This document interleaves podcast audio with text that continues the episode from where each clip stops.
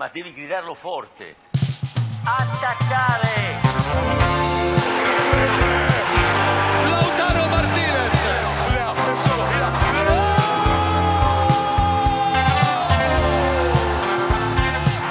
Destro pazzesco di Kvaratskhelia. Napoli è campione d'Italia. Het is dinsdag 31 oktober 2023, 10 over 8. En Vincent Coppola, Wesley Victor Mak en ikzelf, Willem Haak, zitten er weer klaar voor. Want het is eh, tijd voor de maandelijkse terugblik op de Serie A. Zin in, jongens? Heel veel zin in. Ja, Ja. toch? Het is even wennen, weet je wel. Een soort on- ontwenningsverschijnsel die je ervan kreeg. Maar ik ben blij om, eh, om weer terug te zijn. Het grappige is ook, vind ik, dat wij elkaar nooit met z'n drieën zien. Behalve tijdens de podcasts. In de zin met z'n drieën tegelijk. Ja, het klinkt wel alsof we hele goede vrienden zijn. Maar goed, we Ja. spenderen nu toch de avond van Halloween weer samen. We dus- komen, we komen echt bij elkaar om die Serie A te bespreken. En eh, er is veel te bespreken. Mijn stem kraakt en piept een klein beetje. eh, want ik ben naar eh, Inter Roma geweest zondag. De terugkeer van Lukaku op het oude nest. En eh, ik heb Lukaku niet, niet uitgejouwd hoor. Alleen heb ik niet gefloten. gedaan. Gefloten. ja, ik heb zo'n fluitje. Wacht, zal ik even fluiten? Ja. Eén keer. Die Die was nog ze. voorzichtig. de harde kern van Inter had al een maand geleden aangekondigd dat ze 30.000 fluitjes zouden eh, uitdelen Ja, Toen nog. eh, aan de Inter-fans om eh, Lukaku uit te fluiten. Dat, dat werd verboden door de Italiaanse voetbalbond afgelopen vrijdag. Na protest van Roma. Die zeiden dat het eh, de wedstrijd te veel zou verstoren. Eh, uiteindelijk zijn die fluitjes toch uitgedeeld zondag. Ja, want je kan het ook niet tegenhouden natuurlijk. Eh, en die kostten 2 euro per stuk. en ik was er en ik dacht, ja, als aandenken aan die wedstrijd Voor moet ik 2 toch... euro. Ja, voor 2 euro, waarom zou ik niet zo'n fluitje kopen? En ja, het was ook een oorverdovend lawaai. Komen we zo meteen nog even op, want we gaan alle clubs weer langs. Net zoals in de vorige aflevering. Eerst even een paar eh, randzaken bespreken, zou ik eh, zeggen. Want eh, we zeggen altijd, en dat zei- zeiden wij vorig jaar ook, eh, Wes, dat er veel gebeurt in Italië. En afgelopen maand is er echt heel veel gebeurd op meerdere gebieden. Vandaag werd bijvoorbeeld bekend dat Saoedi-Arabië het WK gaat organiseren in eh, 2034. Maar eerder deze maand werd bekend dat Italië het EK van 2032 gaat organiseren. Gaat mede organiseren. Met Turkije. Is dat iets om eh, enthousiast over te worden? In, ja, op, op zich wel. Want natuurlijk gewoon eindtoernooi in je eigen land spelen, dus in Italië spelen, dat is gewoon reden voor iets moois. Ehm, alleen het feit dat ehm, je het nu weer deelt, of ja, wat, wat, wat Vincent inderdaad zegt, dat je die organisatie nu moet ja, over twee landen verdeelt, zorgt er in ieder geval in Italië, waar de hoop altijd is geweest, als we een toernooi krijgen, is er inkom, zijn er inkomsten, is de mogelijkheid er en ook vooral de reden eh, om de stadions en de infrastructuur en dat allemaal te verbeteren. Um, dus de hoop was aanvankelijk dat als Italië dat EK alleen kreeg, solo kreeg, dat dan dus inderdaad alle stadions, in ieder geval een stuk of, nou, hoeveel zijn het er meestal? 12, 16 of zo, een opknapbeurt zouden krijgen. En nu krijg je dus Turkije erbij, waardoor je eigenlijk in. Italië gaat spelen in de grootste stadions, die over het algemeen, nou, misschien afgezien van Milan eh, of eh, van San Siro in Milaan, toch al iets meer vernieuwd zijn dan de Uh, andere. En dan de grootste in Turkije, waar hetzelfde verhaal is. Helemaal Dus met je eens. Kijk, onder de streep levert het denk ik in ieder geval qua herbouw, renovatie niet heel Mhm. veel op. nou ja, eh, nu gaan we in Turijn spelen. Ja, prima. Maar ik wat, bedoel, ja, wat, wat anders ook was gebeurd. Maar dan was je in Turijn gaan spelen en in Bari. En misschien in eh, Genua. en voor Palermo, Palermo. of in Palermo. Waar, ja, Napoli. Precies. En, en dat, dan waren die stadions vernieuwd. En nu wordt het een enigszins commercieel toernooi. Verdeeld over grote steden, eh, steden grote stadions. Eh, en is het maar te eh, bekijken hoe het eh, gaat leven in die landen. Ja, ik vind het sowieso jammer dat er tegenwoordig eigenlijk een taboe op lijkt te heersen om een eindtoernooi in één land te organiseren. ja, ja. En ja, weet je, er is wat voor te zeggen natuurlijk, maar ik zelf vind het altijd heel charmant als, het, als de hele voetbalwereld op één plek bij elkaar komt. Hoe mooi was het geweest als iedereen naar Italië was gekomen. Als je inderdaad was gaan spelen in al die stadions. Als je inderdaad naar al die steden was gegaan. Fantastisch. Was ik zeker een eh, maand in Italië eh, verbleven. Tenminste, had ik geprobeerd. En dan misschien Ja. ook eh, daar te werken. En ja, nu moet je dat verdelen. En ja, zoals jullie al zeiden, het WK 2028 wordt verspreid over vijf landen volgens mij. Precies. En dat is al helemaal gekke werk. Ook Maar- wat betreft vliegen en verplaatsingen, eerlijk gezegd. Over welke stadions hebben we het nu? Nog niet bekend. Nog niet bekend. Maar Turijn zal er zal- zeker bij Turijn zit zitten. er volgens mij sowieso bij. Turijn, Ja, San Siro, absoluut. Olimpico. Absoluut. Die Ja. drie. Maradona denk ik ook wel. Oeh, twijfel. Eh, welke anders? eh, het Bentegodi wordt genoemd. Ja, goed, ja. ja, daar moet heel veel aan gebeuren. Maar het Ik Bentegodi kan me op werd zich wel genoemd in voorstellen dat ze in Verona. ieder geval ook de wat misschien de nieuwere arenas, dus die, wat is nu de Blue Energy Arena van Udinese, die is hernoemd Mhm. afgelopen maand ook. Ja. Zou best En kunnen, dan misschien wel die van laag Sassuolo, capaciteit. Mapai. Qua in ieder geval goed bereikbaar, infrastructuur centraler gelegen. Maar goed, ja, het Doe komt- dan dat, komt- dat Bologna. komt allemaal nog. Doe dan Dus ja. Bologna. dat, dat zou toch leuker zijn? Ik bedoel, Ze zullen het ook wel een aangaan. beetje over Noord-Zuid verdelen, mag ik hopen. hoop ik ook. Ja, de laatste Interland was natuurlijk in Bari tegen Malta. Was dat Malta toch, 4-0? Ja. Dat was in Bari. Ja. Dus goed, het feit dat ze daar op dat moment spelen, zegt misschien ook iets dat dat wel Het voor San de bond Nicola. zelf iconisch is. Het was natuurlijk zijn. juist het San Ja. Nicola. Ja, dat, ik denk als je 1990 Ja, WK denk Dat je toch als een van de eerste stadions Ja. denk je aan die. Dat En, zijn, dat eh, zijn superstadions. Dus ja. eh, dan, eh, dan herleef je dat, Ja, het dat feit WK dat we deze toch weer een discussie beetje. hebben is al Precies. doodzonde. Ja, Maar goed. dat had gewoon in al die steden moeten gebeuren. Goed, hoe dan ook. Ehm, hoe dan ook, EK in Italië, Italië precies in 2032, samen met Turkije. Eh, over de nationale teams gesproken, eh, gaan we ook even naar de Azzurri. Eh zijn we vorige keer ook mee begonnen, nu ook, want er zijn weer twee wedstrijden geweest. Eh, zoals gezegd, won Italië met 4-0 van Malta. Eh, best wel regulier, zou ik zeggen. Daar mag je ook met 4-0 van winnen. Daarna een eh, wedstrijd in en tegen Engeland op Wembley. Ehm, deed denken aan het EK dat Italië won in eh, 2021. Ehm, de uitslag dit keer was wat minder rooskleurig voor de Azzurri, want ze verloren met 3-1. Wat betekent dat het heel erg spannend is in die pool. Tenminste, Engeland gaat naar het, ehm, het EK in Duitsland. Voor de tweede plek is het nog maar afwachten wie dat eh, gaat zijn. Italië heeft vier punten nodig tegen Macedonië thuis. Noord-Macedonië thuis moet ik tegenwoordig zeggen. En eh, tegen Oekraïne uit. Ja of nee? Ja, makkelijk is het niet. Maar op basis van de kwaliteit en ja, zou je zeggen van wel. Maar goed, Italië en eindtoernooi is de laatste tijd natuurlijk een hele rare combinatie geweest met Mhm, gemiste mhm. WK's en een gewonnen EK tussendoor. Maar op zich, op basis van in ieder geval het spel, is wel ietsjes beter gevoelsmatig onder Spalletti nu dan die laatste paar duels zonder Mancini. Wel echt kansloos tegen Engeland uiteindelijk. Ja, maar goed, ik denk dat dat... Nou, Ja, wat logisch dat is. zegt maar op zich ook niet je- heel je- veel, zeker in zo'n vroeg stadium, stadium. Maar je wil als Italië wel een vuist maken tegen Engeland. En dat deden ze voor een tijdje, maar zeker niet 90 minuten lang. Nee. Waardoor het spannend wordt. Ehm, Maar toch, ja. Ze hebben toch wel de beste papieren om als tweede in deze pool te eindigen. Noord-Macedonië thuis. Zo'n trauma- traumaatje. ja, ja, ja, ja. Het is niet een zekerheidje. Eh, hebben we dat eventjes eh, besproken. Eh, wat we ook absoluut moeten bespreken is iets wat wel met de Serie A te maken heeft, maar niet echt met het voetbal zelf. Want er brak een week na onze vorige aflevering een eh, schandaal uit. Tijdens de interlandperiode. Tijdens de interlandperiode ehm, kwam eh, Fabrizio Coro- toch Ja, corona. Fabrizio Corona. Niet. Fabrizio Romano, eh, Fabrizio Corona.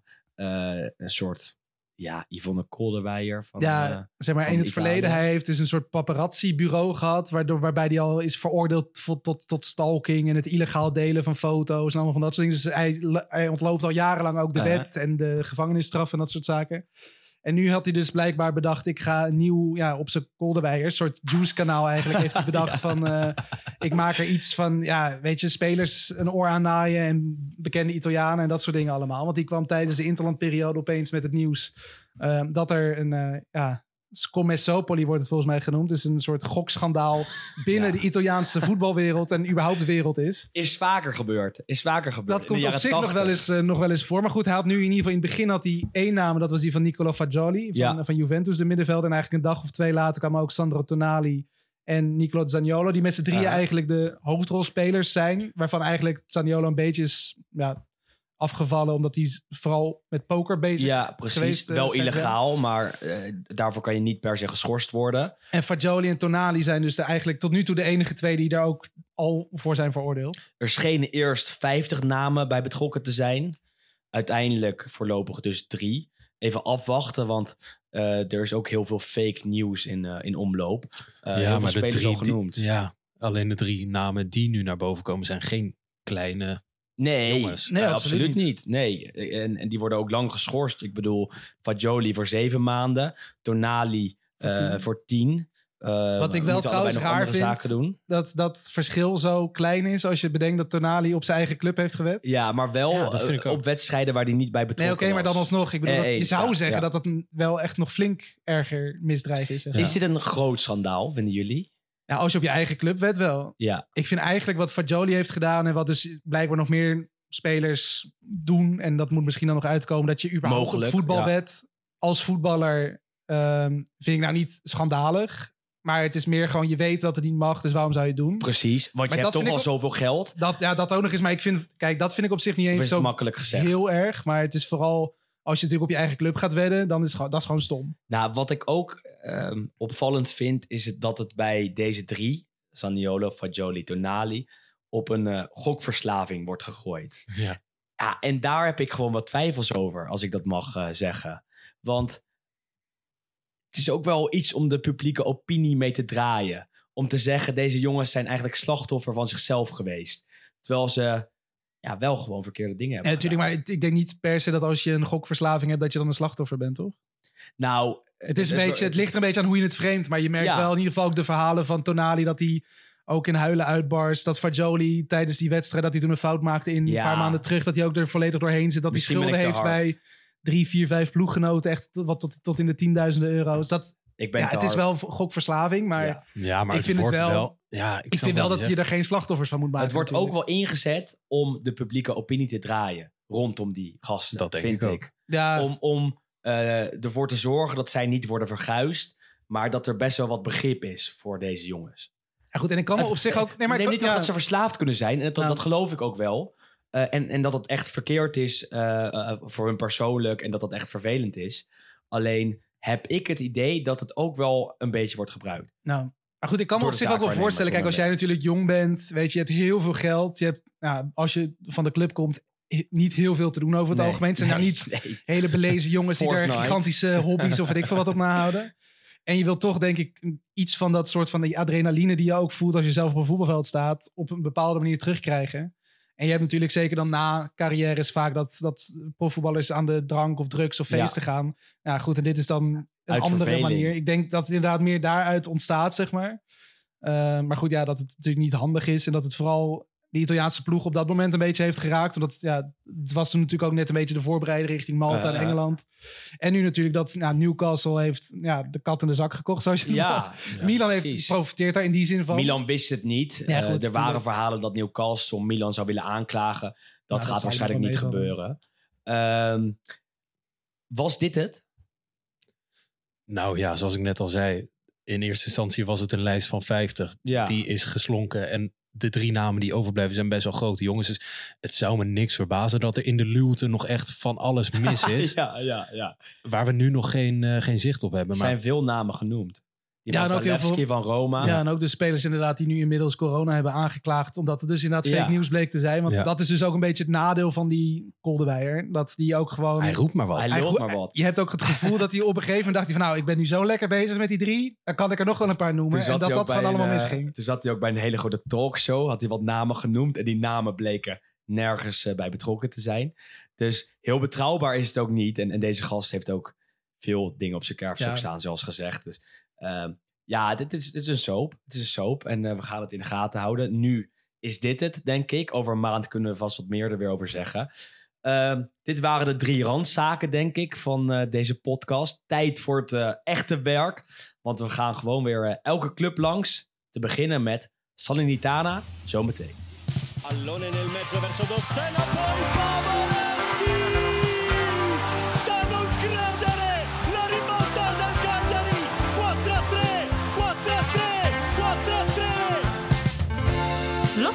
4-3! 4-3! Lo stadio con Guglielmo Wesley Vittorio e Vincenzo.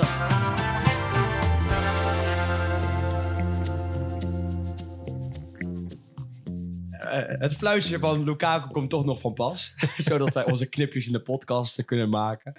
Eh, ja, over een kat in de zak. ik heb dus 2 euro voor het fluitje betaald. Hij doet het, hij doet het wel. Dus. Ik, en ik vond het een beetje gênant om tijdens Inter Roma daar op te fluiten. Deden wel heel veel mensen. Komen we straks op. We gaan beginnen, want eh, de Serie A bestaat uit 20 ploegen. Wij gaan die ranglijst weer eh, afwerken van beneden naar boven. Te beginnen dus bij eh, de nummer 20, Salernitana. Vorig jaar zich gehandhaafd. Eh, vooral dankzij de trainer destijds. Die eh, midden in het seizoen werd aangesteld. Paulo Sosa. En eh, ze liet presteren. Eh, ze redelijk makkelijk naar handhaving loodste. Sosa werd zelfs genoemd bij Napoli als opvolger van Spalletti. Uiteindelijk bleef hij in Salerno, ging hij niet wat noordelijker. Maar hij bleef er niet meer lang, want Paulo Sosa is ontslagen. Werd op 10 oktober de deur gewezen na acht speelrondes. En nu staan zijn laatste daar, Vin. Is dat nou verrassend? Nee. ja, Ja, het klopt allemaal niet, hè, uiteindelijk.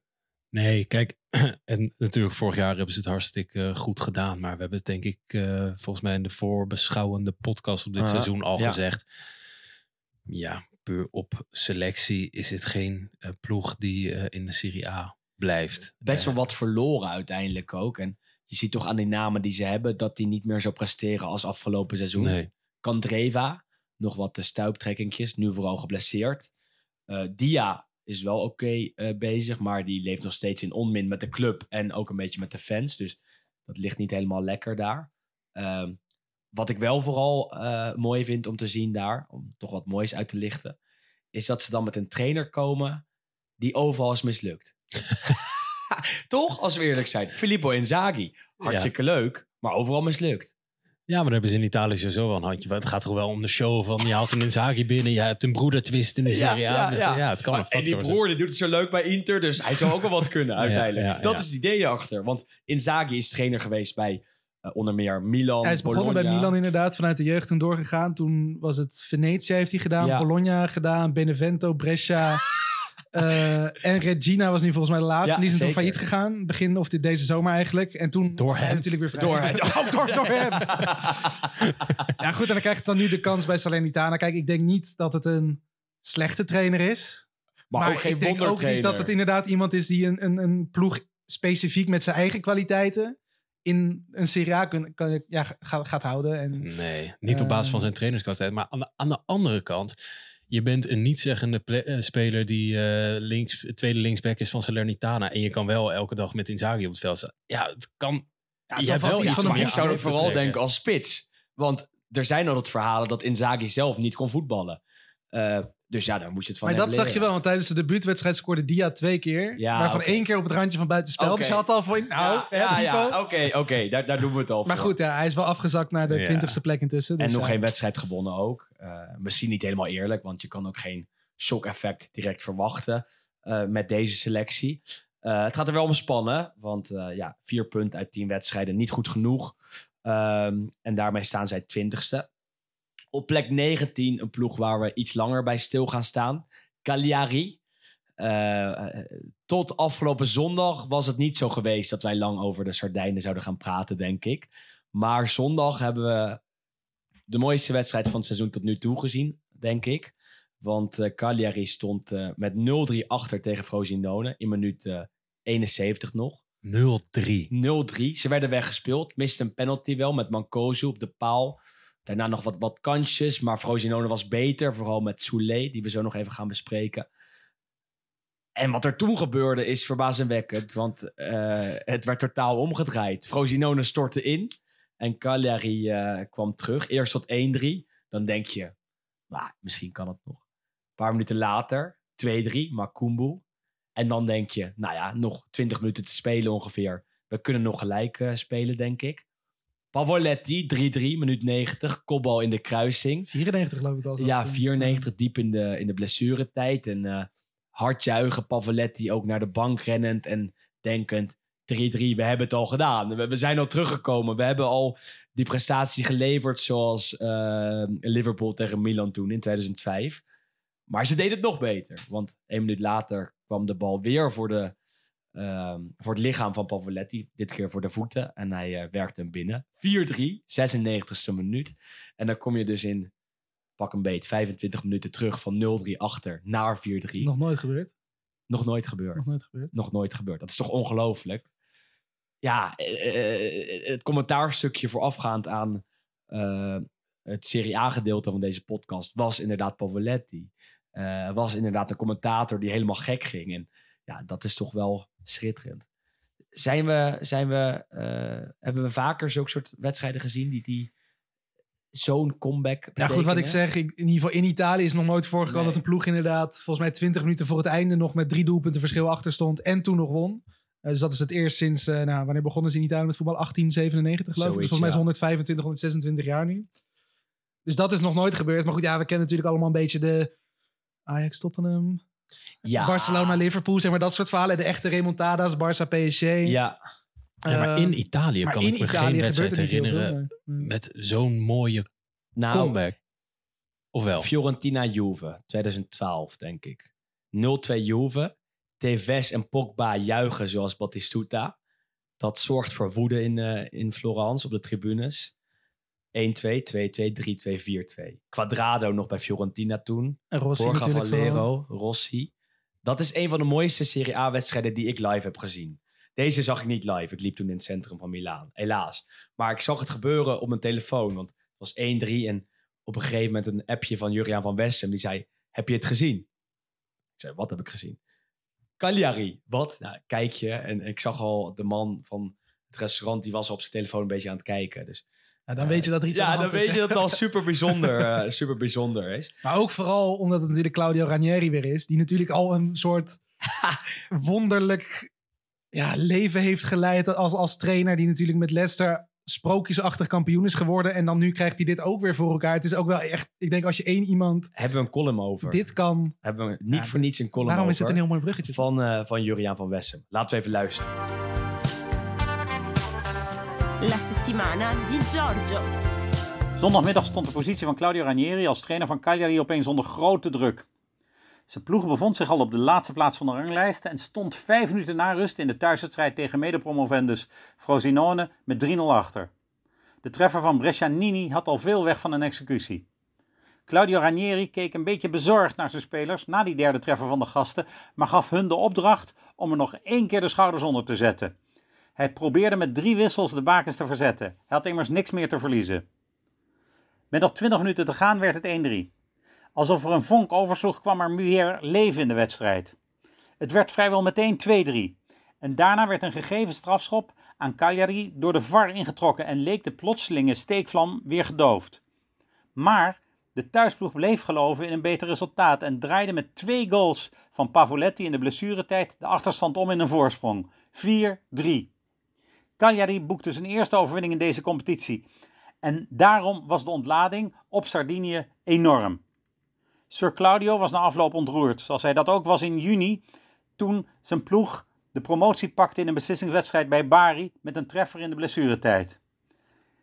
Ranieri had Cagliari teruggebracht op het niveau waar hij die club aan het begin van zijn loopbaan had achtergelaten.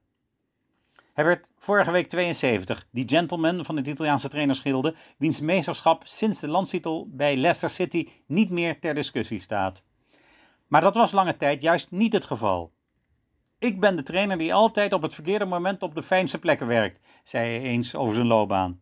Hij had best wel wat successen geboekt als coach in binnen- en buitenland, maar werd als een conservatieve trainer weggezet toen hij bij Chelsea plaats moest maken voor José Mourinho. Toen de Portugees een paar jaar later trainer van Inter werd, noemde hij Ranieri zelfs een bejaarde opa. Ranieri was toen trainer van Parma. Hij had gewerkt bij Fiorentina, Valencia, Atletico, Chelsea en zou daarna trainer worden bij Juve, Roma, Inter en Monaco. Resultaten waren niet slecht, maar ook niet bijzonder goed. Hij werd spottend Tinkerman genoemd vanwege zijn raadselachtige opstellingen en als een soort spotnaam vanwege zijn gebrekkige Engels als trainer bij Chelsea. Ik leerde hem ruim 30 jaar geleden kennen als trainer van Cagliari. Toen hij voor de RAI analist was bij WK's en Europese wedstrijden, zaten we vaak bij elkaar in de buurt op de perstribune. Samen koffie drinken en praten over tactiek met hem was altijd een genoegen. Hij was toen trainer van Valencia en versloeg in die periode van Gaals Barça op de manier zoals hij afgelopen zondag meemaakte.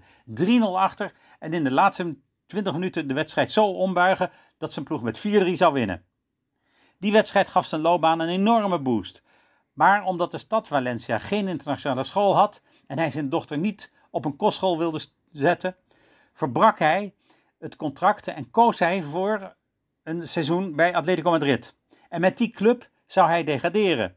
Altijd bleven er twijfels over zijn trainerscapaciteiten, tot dat ene seizoen bij Leicester. Dilly ding, dilly dong. Dit verblijf bij zijn oude liefde is een toetje op zijn loopbaan.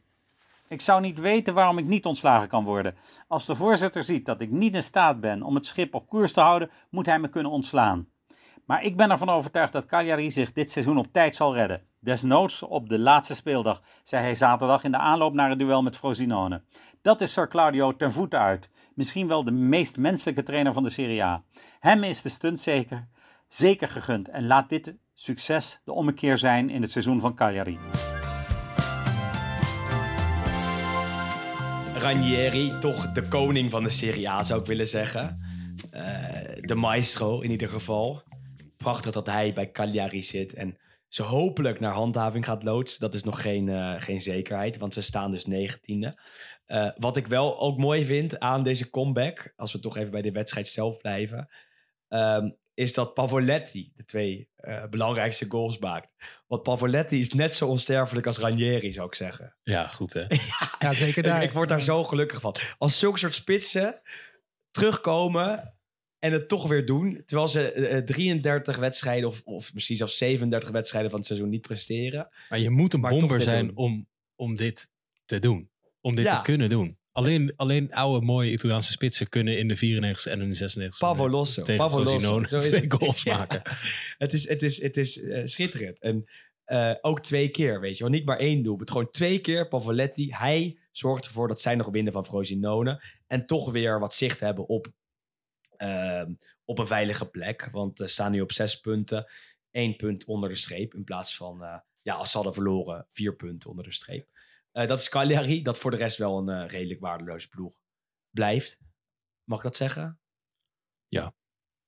Niet van Wes. Nou ja, er zit wel iets van kwaliteit in. Wie dan?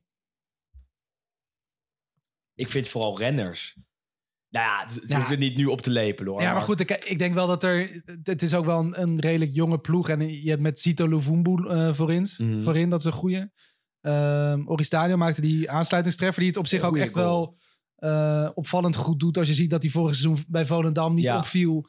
Eh, en nu gewoon, wat is het, eh over, ja, 9 van de 10 wedstrijden gewoon speelt bij, in de Serie A. Mooie linker.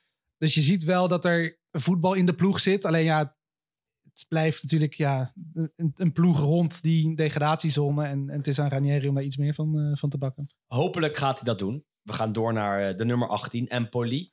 Empoli dat het dit seizoen heel lang heel lastig heeft gehad. En het dat eigenlijk nog steeds heeft. Eh ontsloegen trainer Zanetti, Zanetti in eh, oktober, of, eh, in september al.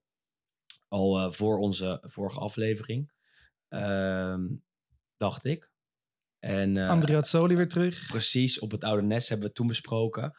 Hij is voor de vierde keer trainer van, van Empoli. Ehm, nou ja, hij heeft wel wat veranderd, want het draait enigszins daar. Ze wonnen met 0-2 bij Fiorentina, bij de eh regiogenoot. Eh, dat kwam eigenlijk als een eh, donderslag bij heldere hemel. Fiorentina deed het tot dan toe hartstikke goed. Empoli had maar één keer gescoord in de Serie A. En maakte er ineens twee tegen Fiorentina, 0-2. Eh, is daar hoop op handhaving?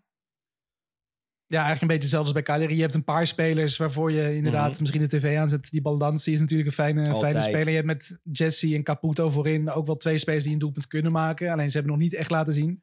Dit seizoen sowieso nog steeds pas drie keer gescoord. Wat ook bizar is eigenlijk. Caputo scoorde tegen Fiorentina en zei Ja. dat hij eh, heeft getwijfeld over stoppen. Omdat eh, een van zijn kinderen ziek was, in het ziekenhuis lag. Daar gaat het nu een stuk beter mee. En Eh, daardoor staat zijn hoofd er ook meer naar. Hopelijk gaan we dat ook eh, terugzien op het, eh, op het veld. Want net zoals Pavoletti is Caputo een bomber. Nou, En een bomber wil je zien scoren en het liefst zo vaak mogelijk. Eh, plek 17 staat Udinese. Udinese eh, was vorig jaar het Leicester van de Serie A. Tenminste, in ieder geval voor een paar maanden. Ja, ik zou wel even een flashback willen zien naar precies een jaar geleden. En hoe we toen over zouden lullen waren aan deze tafel. Er is weinig van over, hè? En dat is nu toch wel anders. ja, Ja, zelfs de trainer niet meer. Ook een ontslag, want eh, Andreas Sottiel werd eh, precies een week geleden ontslagen. Vorig jaar eh, was er heel veel lof voor hem. Ja, dat was ook wel terecht, want uh, Udinese draaide lang heel goed. Eh, versloeg onder meer Inter eh, en ook Milan, dacht ik. En eh, dit jaar draait het niet. Ze hebben namelijk nog niet gewonnen. Nog geen enkele wedstrijd van de tien competitieduels.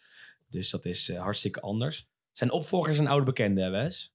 Gabriele Cioffi, ehm, die was anderhalf jaar geleden heel eventjes ehm, ja, ook trainer van Udinese eigenlijk. En heeft ze toen ook vanuit een iets lastigere situatie toch nog wat omhoog gekregen. Dat ze in ieder geval de echte degradatiezorgen toen eh, konden wegnemen. En die is toen eigenlijk vertrokken aan het eind van het seizoen. Wat ja, bij de Udinese fans ook niet helemaal lekker zat toen. Want die waren eigenlijk best wel tevreden over hem op dat moment. En hij besloot hem volgens mij ook door een soort van intern relletje ehm, weg te gaan. Eh, en die werd nu opnieuw aangesteld. En dat was in eerste instantie ook niet heel erg eh, ja, warm verwelkomd door de huidige Udinese fans.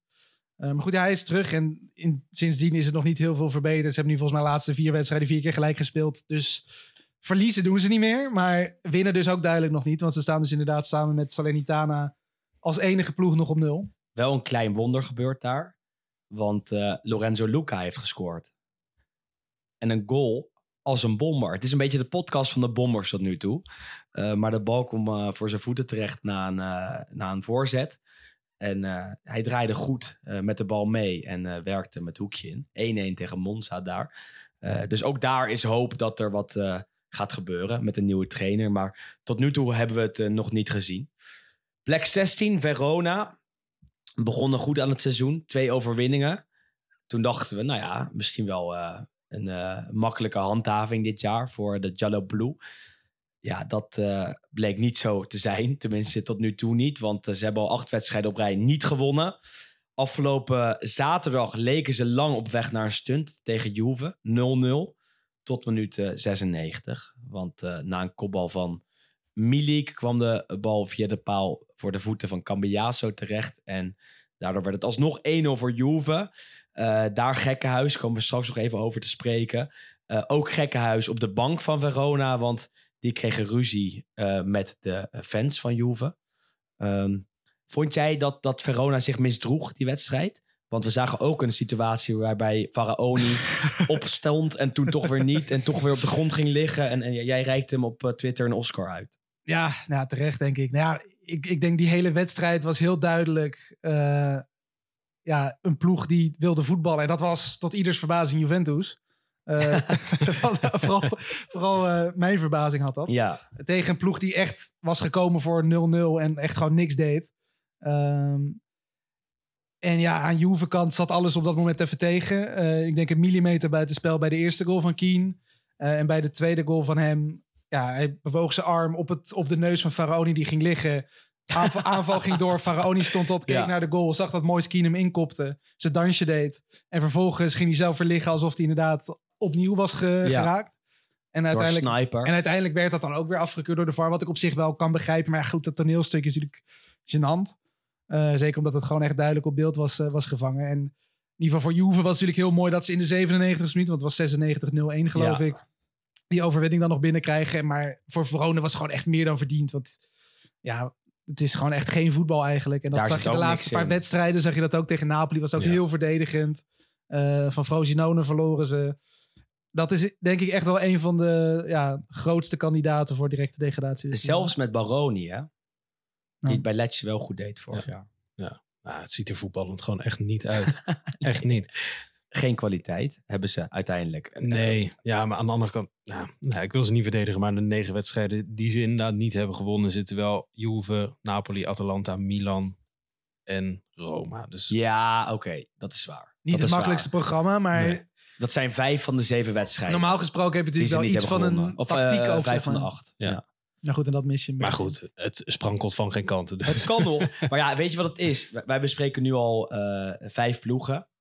Ehm, en, en dat horen er eigenlijk drie te zijn. En dat merk je ook al. Want wij gaan deze teams langs. En we zeggen bij al die teams eigenlijk dat er geen kwaliteit in zit. En het wordt echt tijd dat de Serie A naar 18 teams gaat.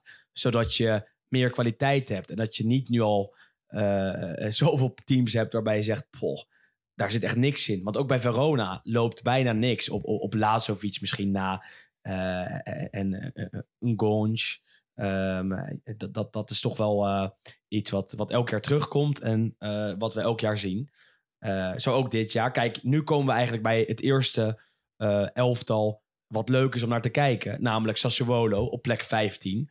Ehm, een dag na onze vorige aflevering, toen we ze eh, vrijblijvend hadden genoemd, wonnen ze met eh 1-2 bij Inter Van de koploper. van de koploper. Toen de koploper, nu weer de koploper. Eh Berardi was fantastisch.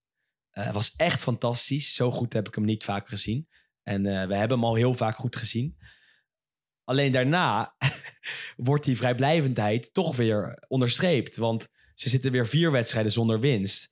En dat, dat is niet per se tegen allemaal topteams of zo. Waardoor ze nu weer op plek 15 terecht zijn gekomen. Mogen we dan kritiek hebben nu wel? Ondanks die zege op Inter. Ja, kijk, deze podcast gaat over oktober. En oktober hebben ze niet gewonnen. Dus dan mogen, dan, Ja, nee, zo is het. Zo dan is het. mogen we kritiek hebben. Nou ja, kijk. Sassuolo is natuurlijk wel een team dat we eigenlijk bijna elke podcast wel benoemen als het eh, kleinere broertje van Atalanta. Met een mooie filosofie, met goed voetbal. Maar Ja, ja, wat je zegt, het is gewoon nog wel ontzettend vrijblijvend. En eigenlijk vind ik wel dat je op een club als Sassuolo na vier eh, eh, eh, wedstrijden zonder zegen tegen niet de meest grote tegenstanders best wel wat kritiek mag hebben. Ja. precies. Tegen Monza, 0-1 verloren. 1-1 tegen Lecce. 0-2 tegen Lazio, acceptabel. 1-1 tegen Bologna, op zich best acceptabel. Maar ja, wel een eh, vijftiende plek, waardoor ze die stap maar niet, eh, niet zetten. En wel vier wedstrijden waar je gewoon punten had kunnen pakken in principe. Alle vier de wedstrijden. Ja. En ze hebben er maar twee gepakt van de twaalf beschikbaar. Eh, door naar Genoa. Die eh, doen het wel aardig namelijk. Plek 14 is voor, eh, voor hen niet slecht. Ehm, eind september, dus ook in dezelfde week als de vorige podcast, met 4-1 gewonnen van Roma. Afgelopen weekend met 1-0 van Salernitana, waardoor ze op plek 14 staan en punten hebben gepakt. En daar gaat het vooral om, om één speler. En ik denk dat we gewoon gelijk maar even de jingle van Speler van de Maand hier moeten instarten. Del mese. En dat is iemand die bij het Nederlandse publiek niet per se bekend staat als een fantastische speler. Bij het eh, AZ van eh, een paar jaar geleden het best aardig gedaan. Eh, nou, mogen we best zeggen, redelijk uitstekend. Niet fantastisch, maar wel goed genoeg om in de Serie A te presteren. Maar op dit moment is hij de revelatie van het seizoen, denk ik. Albert Goedmundsson. Oh, maar Goedmundsson. Wie had dat gedacht toen hij Ja. in eh, jong PSV heeft? hij natuurlijk ook nog een tijdje gezeten. Eh, eh. En, eh, ja, hij is toen op een gegeven moment inderdaad via via een beetje in Italië terechtgekomen. Eh vorig seizoen daar natuurlijk al in de Serie B gespeeld bij Genoa. En ook toen niet, ja, in ieder geval niet, geen tweetje waard, zeg maar. We Nee. kijken af en toe best wel eens toch een, eh, een potje van de Serie B. Maar goed, daar viel je ook niet specifiek Nee. op. Maar ja, wat hij dit seizoen laat zien, dat is echt, echt bizar. Want niet alleen, eh, zeg maar, objectief kun je zien van hij heeft veel gescoord. Eh, nu volgens mij vier van de laatste zeven goals van Genoa waren van hem. Eh, eh. Maar ook gewoon puur qua onderliggende cijfers. Eh, we hebben bij Opta hebben de Opta-index. Waarin je op basis van, of tenminste periodes of wedstrijden of maanden... kun je dan draaien wie dan de beste spelers zijn... op basis van eigenlijk het hele grote gamma van beschikbare data. Staat hij ook echt ruim bovenaan. Hij doet echt heel veel goed. En eh, is al natuurlijk allemaal interviews geweest... en fotoshoots en Sport Week en dan allemaal dingen.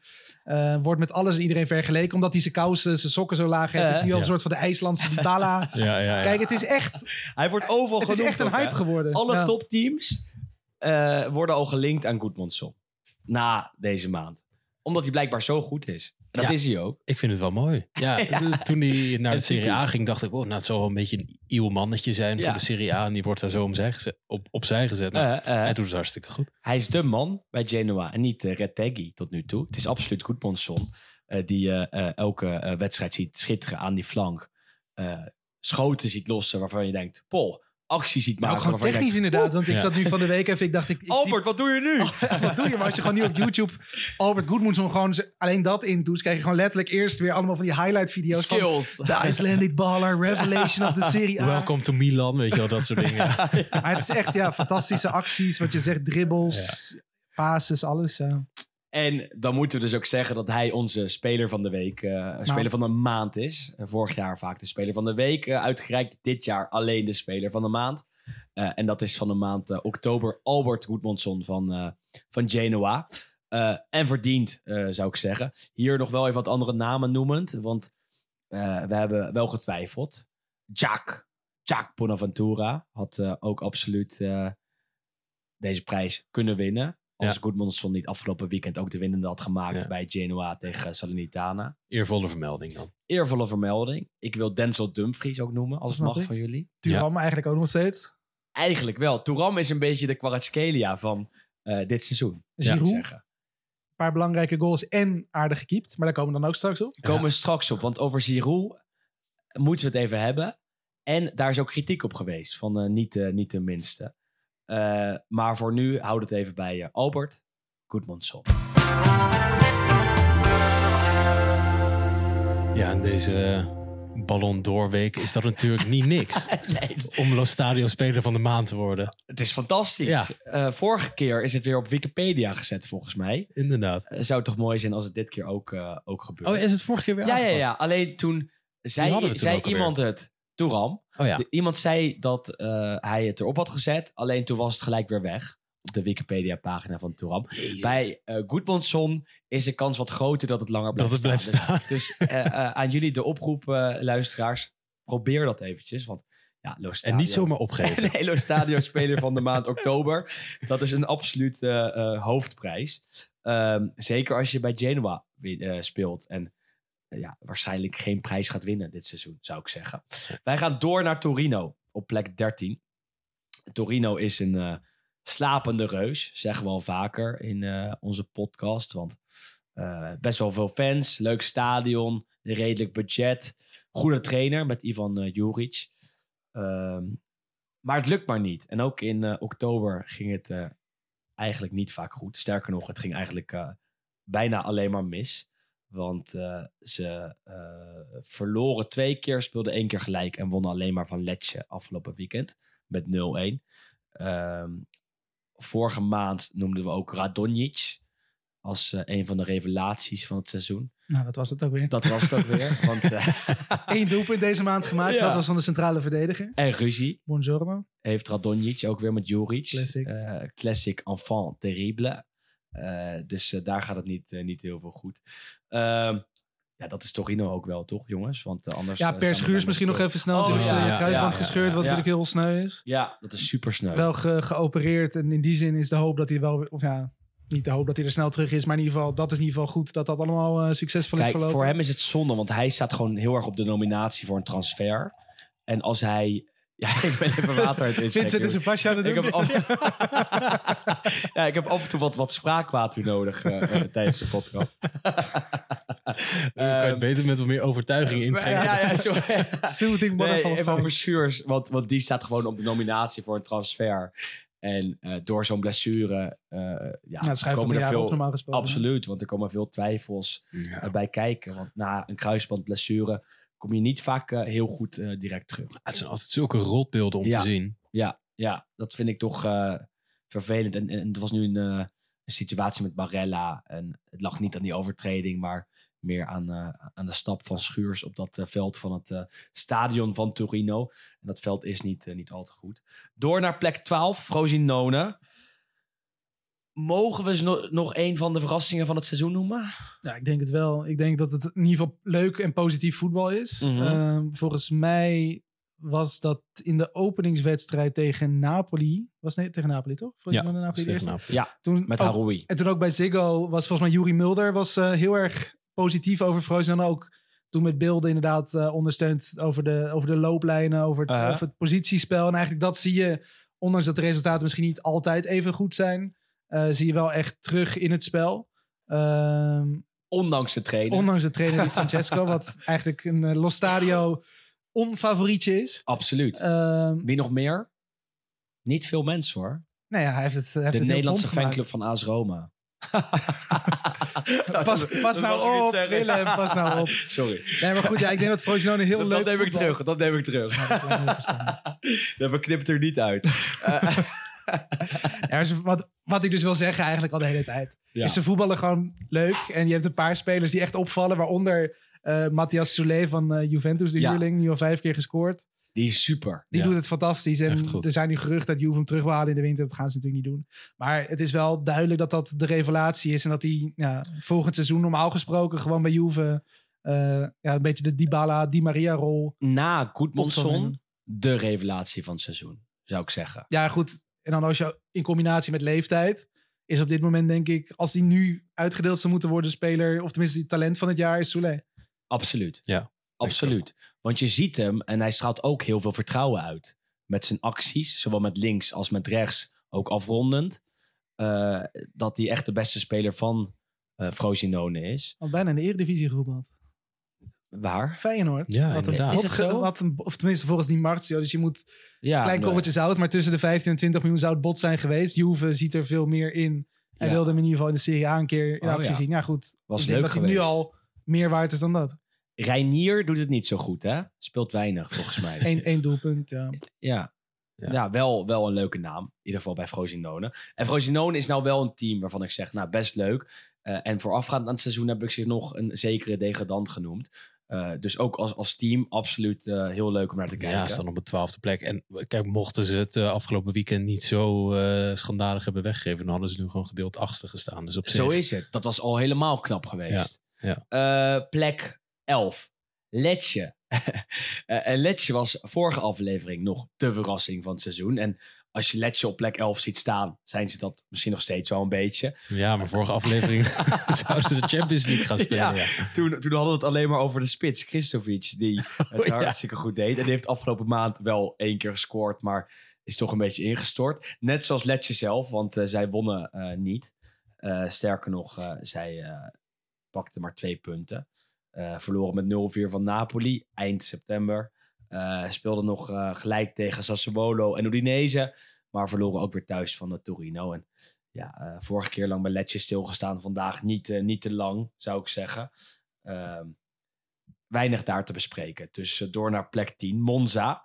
Eh, toch in ieder geval belangrijk om elke ploeg even te noemen en eh, er even langs te gaan, zou ik zeggen. Ook eh, bij Monza eh, is er wel wat te zeggen. Want eh, vorige keer noemden we daar eh, middenvelder Colpani. Eh, met zijn lange manen als een opvallend figuur. Is hij nog steeds iemand die daar eh, goed doet, Wes? Ja, het is nog steeds wel een van de betere spelers daar. Ehm, ik moet zeggen, ik vind ze dit seizoen niet specifiek heel bijzonder voetballen in die zin. Nee. Nou, pakken, pakken gewoon de punten. En er moet gezegd worden, als je met Monza gewoon nu weer tiende staat. en In je tweede seizoen ooit, is dat echt meer dan prima. ze kwamen tegen Roma al redelijk snel met 10 man te staan. Ehm, en toen speelden ze nog wel hartstikke mooi. En hartstikke goed. En verzorgd. Met 10 man. Eh, ze hebben Roma het heel lastig gemaakt toen. Uiteindelijk verloren ze nog met, eh, met 1-0. Door een hele late goal van El Sharawi. Eh, maar het was eigenlijk bijna Monza dat die wedstrijd beter was. Maar ik denk ook, Zegt ook wat over Roma. Ja, tuurlijk. Maar ik denk ook wel echt dat Palladino, die daar natuurlijk sinds vorig seizoen halverwege instapte. En toch een soort van, gaan we het zeggen? Kroonprins van het Italiaanse trainerschilder. Oh, Wes. Ja, Gaan dat mag je zeggen van mij. Ehm, maar ik denk oprecht wel dat dat een hele talentvolle trainer is. Ook inderdaad een beetje in het rijtje met Dionisi van, eh, van Sassuolo. Nu de laatste tijd iets minder, maar de Zerbi. Een beetje dat soort... Mm, maar meer een Gasparini-adept. Eh, met de formatie, met eh, zijn gedachtegoed. Heeft veel van Gasparini geleerd toen Palladino speler was bij Genoa en Gasparini trainer. Eh, en Palladino zegt ook altijd dat hij veel heeft geleerd van Gasparini. Eh, en Juric van Torino is dat ook. Dat is een beetje de school Gasparini. Dus als ik Gasperini zie vertrekken bij Atalanta, zou best eh, Palladino als, als zijn Logische- opvolger zien. logische Zou best, zou best ja. logisch zijn. Zeker Ja. omdat uh, Monzaat nu al een jaar met hem als trainer eh, echt wel aardig doet. Eh, een plek 10 voor hun goed doet. is, is, is, is hartstikke goed, eh, zou ik zeggen. En er worden ook spelers beter. En dat zie je, dat zie je bij hun. Wat ik leuk vind aan Monza is dat er zoveel Italianen eh, in het veld staan. Eh, toch het Berlusconi-jasje nog een beetje aan. Ja. Plek 9, jongens. Roma. Plek 9 nog steeds. Niet veel beter geworden. Nee, aan de andere kant wel mooi altijd aan de Serie A dat je vanaf de bovenste helft gewoon echt alleen, bijna alleen maar grote clubs hebt om te nu, bespreken. nu begint de podcast eigenlijk. Precies. Voor de mensen die naar ons luisteren en denken... jeetje, gaan ze het nou echt lang over Udinese en Sassuolo en Genoa hebben? Prima, heb je doorgespoeld tot eh, dit moment. Want eh, we zijn eindelijk bij een eh, echt grote ploeg terechtgekomen. Een echt grote subtop ploeg, eh, moet ik wel zeggen. Want Roma is dat, eh, denk ik. Eh, Je, je, je doet het er echt om, hè? hoezo? Dat is toch gewoon... Ja, maar het is op zich best wel opvallend, wat je zegt er nu inderdaad. Maar ze winnen wel gewoon... zo? Ze hebben wel natuurlijk gewoon drie van de laatste vier wedstrijden gewonnen. Ja, dus dat is waar, dat zegt ook vooral waar ze vandaan komen.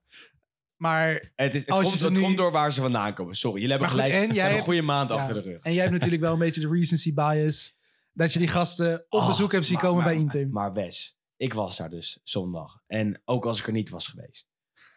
Ik kijk naar die wedstrijd en ik begrijp niet wat Roma doet. Ik begrijp het niet. Ze doen niks. Het is echt hopeloos. Het is echt verschrikkelijk. Ah, hè? maar eh, Maar Roma in toppers is gewoon al heel lang heel ik snap het gewoon niet. Ik snap wel dat jij naar Inter gaat en dat je verdedigt. En dat je niet in het mes wil lopen. Maar ze deden niks. Echt niks. Ze hebben twee keer de bal aangeraakt in de 16 van Inter, die wedstrijd. Twee keer. En dan mag je donderdag Europa League hebben gespeeld en Inter eh, twee dagen langer rust hebben gehad. Maar ze deden niks. En, en, en ja, sorry, maar, maar dan ben ik ook als Mourinho-adept, nou, er niet klaar mee, maar wel eh, iemand eh, die, die daar vol met onbegrip naar aan het kijken is. Ja. Ehm, ook met deze spelers, want het kan wel meer. Ondanks blessures kunnen ze echt wel spel de Ja, prijs goed, en. Lukaku fantastisch eigenlijk gewoon natuurlijk in de eerste maanden bij. Roma. Moet gezegd Scoort worden. praktisch altijd. Het punt is dat eh, Bologna naar eh, San Siro komt. Sassuolo komt naar San Siro om tegen Inter te spelen. En zij willen wel iets. Zij verdedigen misschien ook wel, maar zij gaan wel een beetje voetballen. Waarom kan Roma dat niet? Waarom moet Roma het na die wedstrijd gooien op dat die eh, wedstrijd een dag later had moeten worden gespeeld? Of dat eh, Inter een veel betere selectie eh, heeft? Is ook zo, misschien allebei. Alleen, het zijn wel twee alibis voor een super slechte wedstrijd die ze hebben gespeeld. En ik ben nu heel kritisch en dat komt door die recency bias. Maar ik begrijp gewoon niet wat, wat daar af en toe gebeurt. Maar goed, het is een beetje het, het terugkerende, het repeterende verhaal wat je ziet met Mourinho in topwedstrijden. Dat hij inderdaad gewoon stopt met voetballen. En eigenlijk inderdaad alleen maar excuses en smoesjes en alibis en redenen. En, En dan na afloop zegt, na een wedstrijd waarin Inter een expected goals van 2,5 heeft en Roma van 0,5, ja, nog ineens. eh, nog ineens, en zegt hij, nou ja, een gelijkspel was eigenlijk terecht geweest. Want ik zat in het stadion, ik voelde aan de fans van Inter dat het eh, ging gebeuren. Ik voelde aan de spelers op het veld dat het ging gebeuren. Ik voelde aan mezelf dat eh, alles op een gelijkspel wees. Ja, en hij is echt de enige die dat heeft Ja, gezien, denk ik. ja. Want kijk die wedstrijd en je ziet alleen maar kansen van Inter. Ehm, goed, maar ja, voor de rest wonnen ze wel drie van de vier wedstrijden in oktober. Ja, kijk, en het is een beetje hetzelfde liedje wat we over Roma aan het zingen zijn. En dat is dat wij heel kritisch zijn en eh, ze wegschrijven als eh anti-voetballende club. Maar ja, bij Roma zelf en de Romanisti lijkt het allemaal niet zo erg te vinden. Nou, dat is het. Want het Dus- stadion zit vol. ja, Ehm, en en ja, oké, het mag ook gezegd worden, ze, ze winnen wel ehm, redelijk wat afgelopen een maand. Met inderdaad een goede Lukaku. ja, en in de Europa League natuurlijk ook gewoon twee gespeeld, twee gewonnen. Of is het nou? Dus misschien is het te kritisch en lag het ook meer aan die, Drie gespeeld, eh, eh, aan die seizoenstart. Hè? Eh, waarin ze heel veel punten hebben verspeeld. En de afgelopen maand is het wel een maand geweest waarin Roma alle punten heeft gepakt die ze moesten pakken. Want je mag bij Inter verliezen. Laten we dat voorop. het eh, gaat vooral de manier waarop Ja, inderdaad. precies. Wat, Dat, dat begrijp ik gewoon niet. Eh, eh, denken jullie dat Lukaku beïnvloed werd door die fluitjes en door eh, het ontvangst? Mm, ik weet niet of die tijdens de wedstrijd heel erg beïnvloed werd. Maar ik kan me niet voorstellen dat dat van tevoren niks met je doet. Het was zeg maar de allergrootste aanloop naar een wedstrijd die ik tot nu toe heb gezien in, eh, in de Serie A. Vond je het een terechte heksenjacht? Mm, Het was echt Ja. een heksenjacht. Ik vond het ongelooflijk. namelijk.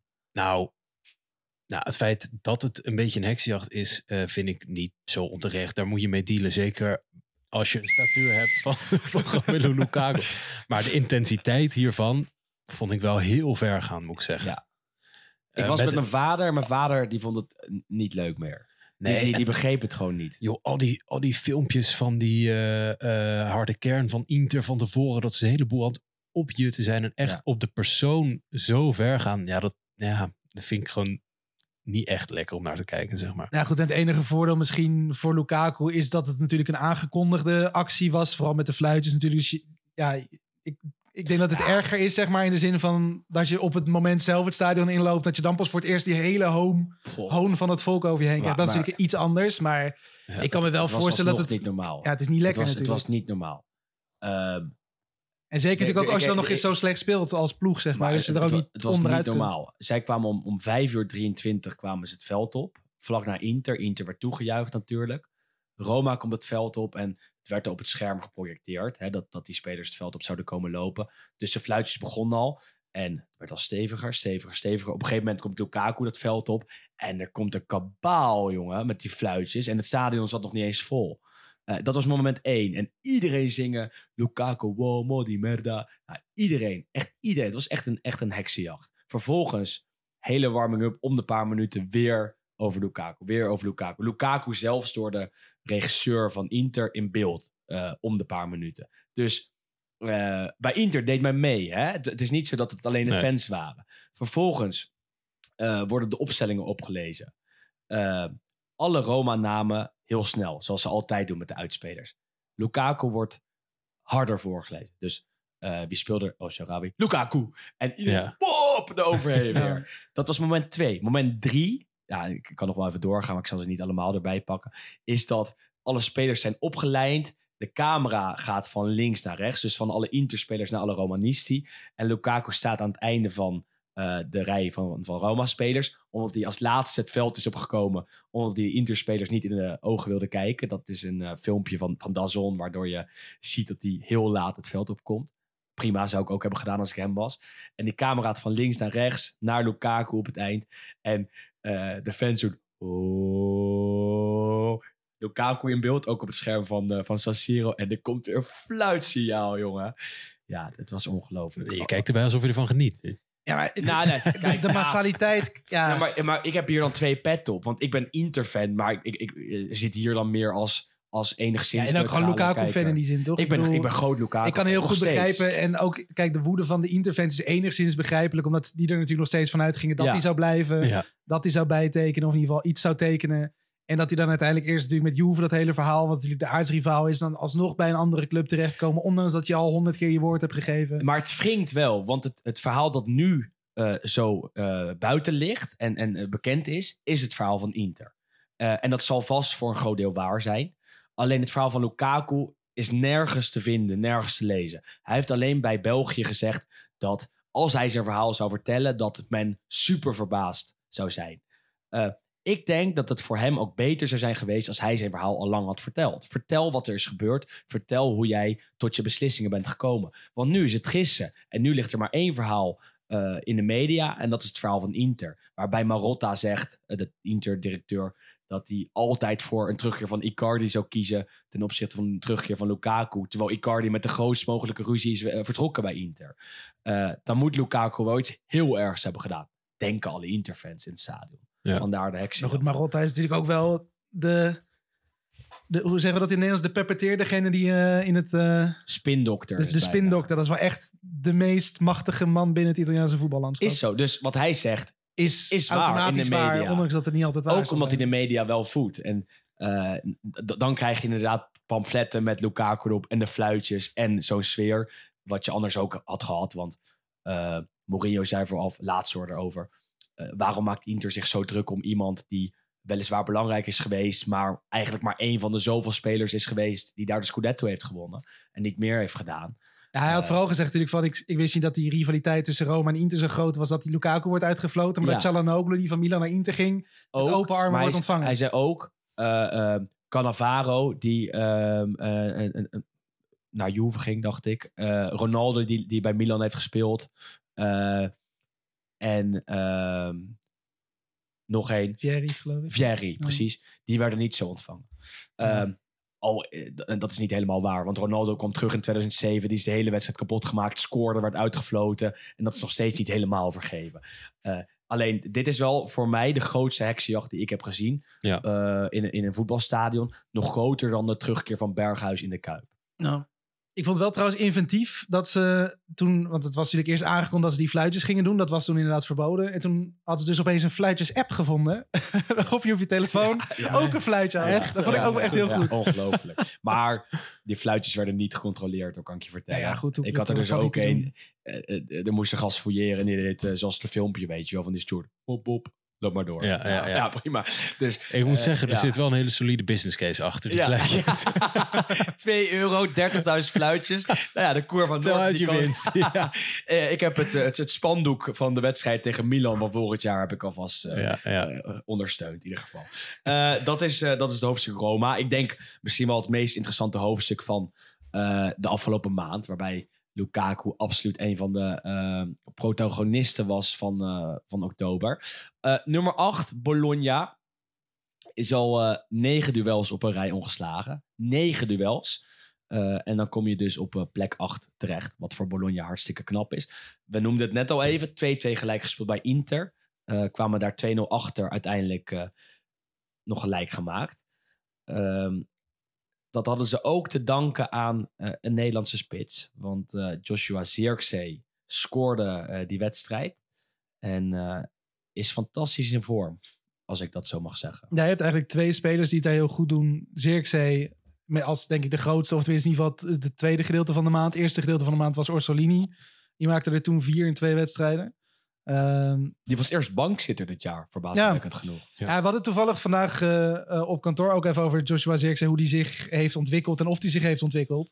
Ehm, Is een goede vraag. Die tweede vind Ja, ik ook heel, heel belangrijk. want ik merk, ik merk nog steeds dat ook als je wedstrijd nu van Bologna ziet, dat je, kijk, technisch gezien is er denk ik een van de meest begaafde spitsen in de top vijf competities.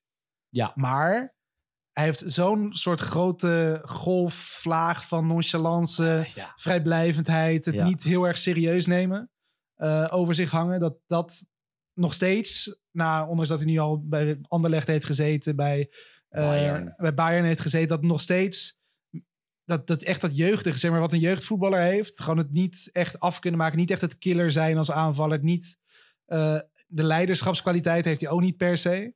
Maar goed, ja, technisch gezien is het fantastisch. En je zag dat met die goal tegen Sassuolo dit weekend. Lange bal van achteruit, neemt hem in één keer mee. één beweging om de keeper en het staat 1-0. À la Cassano. Ja, dat is fantastisch. Maar Hij wordt echt de hemel Ja. ingeprezen hè, in Italië. Maar kan hij veel beter dan Bologna, denk je? ik denk het wel. Als hij inderdaad dus Uiteindelijk wel. dat die nonchalance van zich af weet te... te Maar kan je een ja. killer worden? dat is de vraag. Hij is Nou, beter dan Robbie. Vind Hij ik. is technisch beter dan Robbie. Nou, maar ook als, als afmaker ook. Afgelopen weekend wel. Ja, maar ik denk wel. Kijk bijvoorbeeld naar Leao. Weet je wel? Ja. Daar- Die, daar hebben we een paar jaar geleden hebben we eigenlijk een beetje vergelijkbare dingen Zeker. over gezegd. Dat heel veel rook, weinig vuur. En dat is bij Joshua Zirkzee de afgelopen jaren ook zo geweest. En dit is een van de eerste keren dat hij zichzelf ja, profileert als spits die ook daadwerkelijk doelpunten kan maken in een grote competitie. Dus ik zou hem best nog even tijd willen geven en eh, kijken waar hij over een jaar staat. Ja, het enige verschil is natuurlijk met Leao, wat ik op zich wel echt een hele goede vergelijking vind, is dat natuurlijk als vleugelspeler heb je dat killersinstinct ook niet heel erg nodig. Of tenminste niet per se nodig. En als spits is dat natuurlijk wel echt een Heeft. Leo wel gekregen. Ja. En hij heeft het inderdaad ja, wel ja, gekregen, maar daar is het natuurlijk als buitenspeler mag je natuurlijk acties aangaan. Mag je een keer een bal verliezen, maar Ja, daar draait het het gaat om het gevaar zelf, zeg maar, creëren. Maar Zirkzee, ja, Eh, Het gaat er ook nooit helemaal van af. Want als je Leo nu af en toe ziet, Nee, is hij ook heel absoluut. vrijblijvend Ja, ja, af en toe. zeker. Alleen je hebt gelijk. Eh, eh, als spits moet je gewoon wat meer ja, die killersinstinct hebben. Zirkzee moet een killer zijn. En, en dat is hij nog zeker niet. Wat hij wel is, is een spits die de bal super goed vasthoudt. Ook het middenveld in kan zakken. Die bal heel goed aanneemt. Een mooie paas in de benen heeft. Eh, dus er is wel veel om enthousiast over En te goed, en wat je zegt over Bobby. Ik denk dat Zirkzee beter bij Ajax past dan Bobby. Absoluut, zeker. En eh, Ajax wilde hem ook, schijnt, afgelopen zomer. Ehm, Hij zit wel Toen op zijn hadden ze al twaalf. Ja, toen was er geen geld meer over. toen was het potje van Sven al leeg. God, als het ooit leeg... eh, Andere ja, podcast. eh, Andere podcast. Heel interessant of Xerxes die stap kan maken. Hij wordt in ieder geval al eh, gelijk genoemd bij eh, topteams. Milan wil een spits, dus ja, dan komt zo'n naam al daar langs. Eh, het is nog vroeg om het over transfergeruchten te hebben. Het is pas eh, 31 oktober en als jullie dit luisteren 1 eh, november of later. Plek 7, Lazio. Blijven toch een beetje bij een ploeg met een Nederlands tintje. Want Lazio is in de Serie A heel wisselvallig. Maar in de Champions League ook niet fantastisch. Eh, vorige week bij Feyenoord gespeeld. Op bezoek in de Kuip. Zag er niet best uit. Nee, dat, was, Nee. dat, was, dat was dramatisch. Ja. Dat was echt slecht. Saki, die ik zo meteen nog een keer ga noemen, die had het in zijn column over Lazio dat ja, als een soort Fiat op de eh, snelweg reed en werd ingehaald door een Feyenoord dat fantastisch snel erlangs beukte. Is ook zo, denk Nou, ik. Best wel chockerend, bijna. Super knap van Feyenoord, hè? Ja, nee, goed. Ja, Eh, Feyenoord was fantastisch, dat Ja. sowieso. Maar het is inderdaad wel iets. eh, en goed, waar het aan ligt, dat is natuurlijk lastig. Je ziet wel in de Serie A dat het op zich ook weer vier van de laatste vijf gewonnen is. Op zich, dat is niet dramatisch. Maar je merkt gewoon op het moment dat het echt een niveautje hoger gaat, vooral in Europa. En dat zagen we natuurlijk al toen, wat was het? Conference League hebben ze denk ik niet meer gespeeld. Maar Europa League, wat eigenlijk al jaren heel matig is van, van hun kant. Champions League nu worden aan alle kanten gewoon volledig is overlopen. Ongelooflijk, ja. En nogmaals, wat gek blijft en gek is, is dat jonge spelers daar gewoon echt niet eruit komen. dus dat ze ja. alleen maar terug blijven grijpen op de oudjes. Ja. Nou, Pedro scoort tegen Feyenoord. Immobile nu afgelopen weekend Mhm. eh, de winnende toevallig dan wel. Maar het blijft iedere Toevallig keer... dat Immobile scoort dit Nou, dat doet hij ook niet veel gek. meer. Nee. Maar goed, het, het, het blijft iedere keer terugkomen op de oude spelers. En Ja, maar dat is waar dat vandaan komt is, Is gek. dat Sarri, ja? Vind je dat? Nou, niet per se het feit van oude spelers, maar Sarri is een eh, trainer die een bepaald stramien aanhoudt. En Aha. als daar zijn oude spelers meer ervaring en meer feeling bij hebben, dan zal hij die altijd blijven opstellen. Ja, ja. Want ze hebben wel wat geïnvesteerd afgelopen zomer. Kamada speelt bijna niks. Isaacsen op eh, eh, de, de, de buitenposities speelt bijna niks. Guendouzi is een speler die Lazio zeker beter zou maken. Speelt bijna niets. Eh, waardoor eh Sarri, wat je zegt, die, die Schramine wil blijven volgen. En die Schramine die gaan op dit moment gewoon niet de goede kant op, zou ik zeggen. Ehm, in ieder geval niet de plek 4, plek 3, plek 2 kant op. Ehm, Nee, maar ja, hij doet natuurlijk wel al jaren hetzelfde. Hij moet eigenlijk zichzelf een beetje Maar zeg dat maar eens tegen een Italiaan. ja, zeker tegen Sarri. Maar dat is natuurlijk ook, want dan kijk, Sarri, Allegri, Conte. Het is toch allemaal een beetje Ja, de wat oudere het is altijd generatie, hetzelfde, ja. En, en je ziet nu Is er dan een houdbaarheid op Sarri? Ja, ik denk dat er gewoon een houdbaarheid is op de trainers die niet. Nee, maar, nee, maar niet, niet dat op zich op de zo, Italiaanse trainers, maar op de Italiaanse trainers die niet innoveren. Want je ziet. Roberto de Zerbi bij Brighton, leuk spel, modern spel. Farioli nu bij Nice doet het ook heel goed. Mhm. Is natuurlijk uit Turkije overgekomen. Doet ook heel goed met aanvallend voetbal. Het is, je moet denk ik, en dat is ook een beetje de kritiek waar we straks bij komen bij Milan. Natuurlijk ook nu op Pioli. Die doet het eigenlijk ook sinds het kampioensseizoen alleen maar hetzelfde. Alleen ploegen, tegenstanders krijgen het door. En je ziet nu hoe makkelijk Feyenoord eigenlijk over Lazio heen liep. Want ja, goed, nogmaals, Feyenoord was heel goed. Maar het had echt zonder... Het had makkelijk 6 of 7-0 kunnen zijn als ze iets scherper waren geweest. Er klopte niets van bij Dat is Lazio. dramatisch. En er klopt dit seizoen vaker niets van bij Lazio. Omdat het gewoon heel eh, wisselvallig is. Ja, goed, en het is als losstand een Serie. A-podcast en daar valt het nog mee. Maar Ja, maar ook in, in, in veel wedstrijden waarin ik, eh, ze heb ze waarin ik ze heb gezien, eh, was het niet het Lazio van afgelopen jaar. En dat mag ook, omdat je je beste speler hebt verloren met Milinkovic-Savic. Maar het hoeft niet zo erg in te storten of, of zoveel slechter te zijn. En ehm, je hebt gelijk. We moeten het ook wel beperken tot de maand oktober. En daarin heeft Lazio wel gewoon en nu alweer drie wedstrijden achter elkaar gewonnen. Ehm, dus, dus zo slecht is het ook niet. Ehm, alleen, eh, eh, het mag nog een beetje beter, zou ik zeggen. Ja. Eh, plek 6, Fiorentina. Fiorentina heeft een leuk team. Heeft goed geïnvesteerd afgelopen zomer. En lijkt, of moet ik zeggen leek, op weg naar een heel goed seizoen. Naar een seizoen waarin ze konden strijden om de top 4. Eh, alleen speelt Fiorentina dan vervolgens op een maandagavond thuis tegen Empoli. En verliezen ze die met 0-2. Noemden we al eerder even in de podcast. Empoli pas één keer gescoord tot die wedstrijd. Die wedstrijd eh, er twee in eh, geschoten.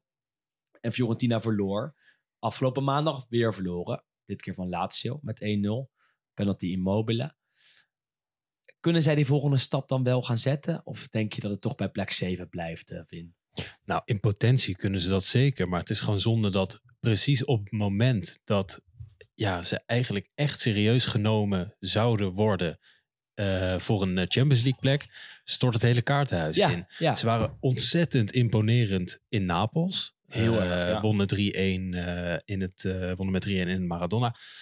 Ja, en de week erna met 0-2 tegen Empoli. Ja, dat is gewoon echt, echt slecht. desastreus bijna. Ja. Als je mee wil doen om de top 4, mag je niet thuis van Empoli verliezen. Zeg ik nu wel, en Inter heeft vorig jaar ook van Empoli thuis verloren. En die eindigde gewoon als derde. Maar symbolisch. Ja, kijk, ja, dat is gewoon het verschil met Inter en Fiorentina. Eh, Inter wordt naar de Scudetto geschreven en de kans zit er dik in dat Eh. ze hem pakken. En Fiorentina wordt naar een kans op Champions League voetbal geschreven en de weken na verliezen Ze ze. Dus choken. Ja, een beetje wel. wel wat leuke spelers daar, vind ik. Ja, laatste weken lijkt het daar inderdaad ook weer wat... Nou goed, in ieder geval in Europa was, heb ik van de week zitten kijken naar Ja. Fiorentina tegen Tjukaritski. Had ik niet gedacht dat ik die ploeg ooit nog een keer zou zien. Beltran. Beltran, de Echt Viking. leuk. Ja, die doet het, eh, doet het aardig. Ook de manieren hoe die zijn goals maakt. Ja, dat- hoe die dat- dat lokje. draait, hoe die aanneemt. Het is echt wel een... Ja, goed, hij zit er al het hele seizoen. En het is wel gek dat je nu, wat was het, 26 oktober was die Europese wedstrijd, een pas voor het eerst ziet, tussen aanhalingstekens. Maar Hij wordt normaal toe, gesproken eh, is dat wel iemand waarvan je zegt, dat ga, daar gaat ze de club eh, plezier aan doen. hij wordt vergeleken met Lautaro Martinez. Vind je dat terecht? Ja, in de zin van, het is een Argentijn. Ik En maak die vergelijking niet, maar ik kwam wel tegen toen dat ja, kijk, dat is natuurlijk. Ik, ik, ik denk al langer om daar een soort van Twitter-draadje van te maken. Ja. van Italiaanse media die een speler, speler X vergelijken met speler Y. Ja, Omdat in Italië is dat gevoelsmatig nog Zeker. erger dan wat wij in Nederland al vaak doen. Van nou, dit is eh, de. ja, het is zo. Ehm, Vind ik wel echt een goed idee. hè? Ik wil Ja, het gewoon dat een keer een doen. leuk maar goed, idee. ja, dit, dit zijn echt klassieke inzendingen. Dus als de luisteraars weet ik van leuke hashtag, en dan Ja. gaan we er gewoon een draadje van maken. Dan Absoluut. doen we inzendingen elke week. Ja, dat is leuk. Dat Maar goed, ja. ook in de podcast meenemen. Een klein nieuw rubriekje. Een klein nieuw rubriekje. Wie lijkt Ja. er op wie? Ja, ja, ja. Ja. vind Maar ik goed. altijd al leuk. Ook als ik mensen zie in, in Amsterdam of ergens anders. Op wie lijk je?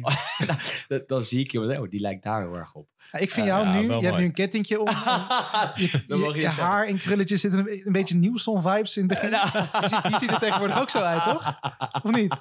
Is dat zo? Ik heb de beauty and ben- the brains. Amsterdam, Amsterdam zit.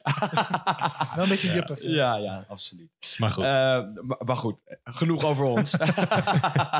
Eh, leuk draadje zou het zijn, door naar plek 5. Want eh, daar staat Napoli op dit moment. Eh, Napoli is een elftal dat eh, niet helemaal intact is gebleven. Omdat Kim eh, natuurlijk werd verkocht aan Bayern. En eh, Spalletti ook vertrok.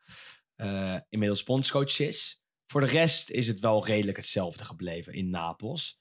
Toch is de sfeer volledig anders. Ze staan vijfde. En er hangt een beetje een crisissfeer, vind ik. ja, zeker. Klopt dat? Zeker, maar net niet crisis genoeg. Nee. Om Ja, het is juist echt- de laatste tijd weer ietsjes verbeterd, toch? Want in de vorige podcast was het wel crisis. Ja, Ja. maar nog Dus steeds. Ja, Ja, ja. het verbetert zeg maar echt zo weinig. Nou, puur op basis van het spel is het deze maand beter gegaan dan vorige maand. Tegen Real Madrid bijvoorbeeld zag het er eigenlijk prima uit. Ze hebben een aantal andere wedstrijden gespeeld waarin je nog wel nou ja, de kwaliteiten die Spalletti er vorige jaar heeft ingesleept eh, terugzag. Mhm. Maar er zit iets in die ploeg. En ik kan me niet helemaal de vinger op leggen. Maar het begint met de R en eindigt op Rudy, op Garcia. En het, is, het ruikt een beetje naar Fransman. ja, ja. Nee, ja. gekkigheid. Maar ja, kijk. Het, is wel zo. het, het, is, het is gewoon... eh, eh, nu weer zo dat eh, dan eh, spelen ze gelijk tegen Milan. En dan komen er weer drie beslissende wedstrijden aan waarin Garcia zijn baan moet redden. Ja. Nou ja, drie weken geleden hadden we precies hetzelfde. En dan lukt dat en dan gaat het weer mis en dan lukt het weer. Het is, Was hij ontslagen als Napoli van Milan had verloren afgelopen zondag? nou, ik denk het niet. Want dan Ah. moet je eerst een trainer hebben die ja zegt. En dat hebben we natuurlijk deze maand Heel meegemaakt. erg, ja. Ja, dat was ook een mooie soap natuurlijk. Want ik dacht echt, nou, dit, dit kan wel eens gaan gebeuren. Wij waren aan het appen. ja, ja. Ja. en dat gaat over Antonio Conte die naar, eh, die naar Napoli werd geschreven. Die uiteindelijk helemaal geen ja-woord eh, had gegeven. En dat ook niet van plan was te doen. Maar, Maar dat moet je als Napoli helemaal niet willen, denk ik. En als, als Ja, dat is wel echt Conte weer een cultuuromslag. Ik bedoel, van Sarri naar Spalletti. Ja. En dan met tussendoor natuurlijk ook nog, wat hebben we Ancelotti en zo daar nog gehad. Maar dat Ja. is wel een klein beetje dezelfde vibe. Nou ja, kijk, weet je Maar wat Conte het is. is? wel echt heel anders natuurlijk ook. Conte wil aankopen. Ja, dat Conte ja, wil dat de regie in handen hebben. Maar goed, ja, jij zei het Dat, volgens dat mij gaat op de. Laurentiis nooit Nee, ja, de. Laurentiis en Conte, dat wordt gewoon één Dat- grote soap.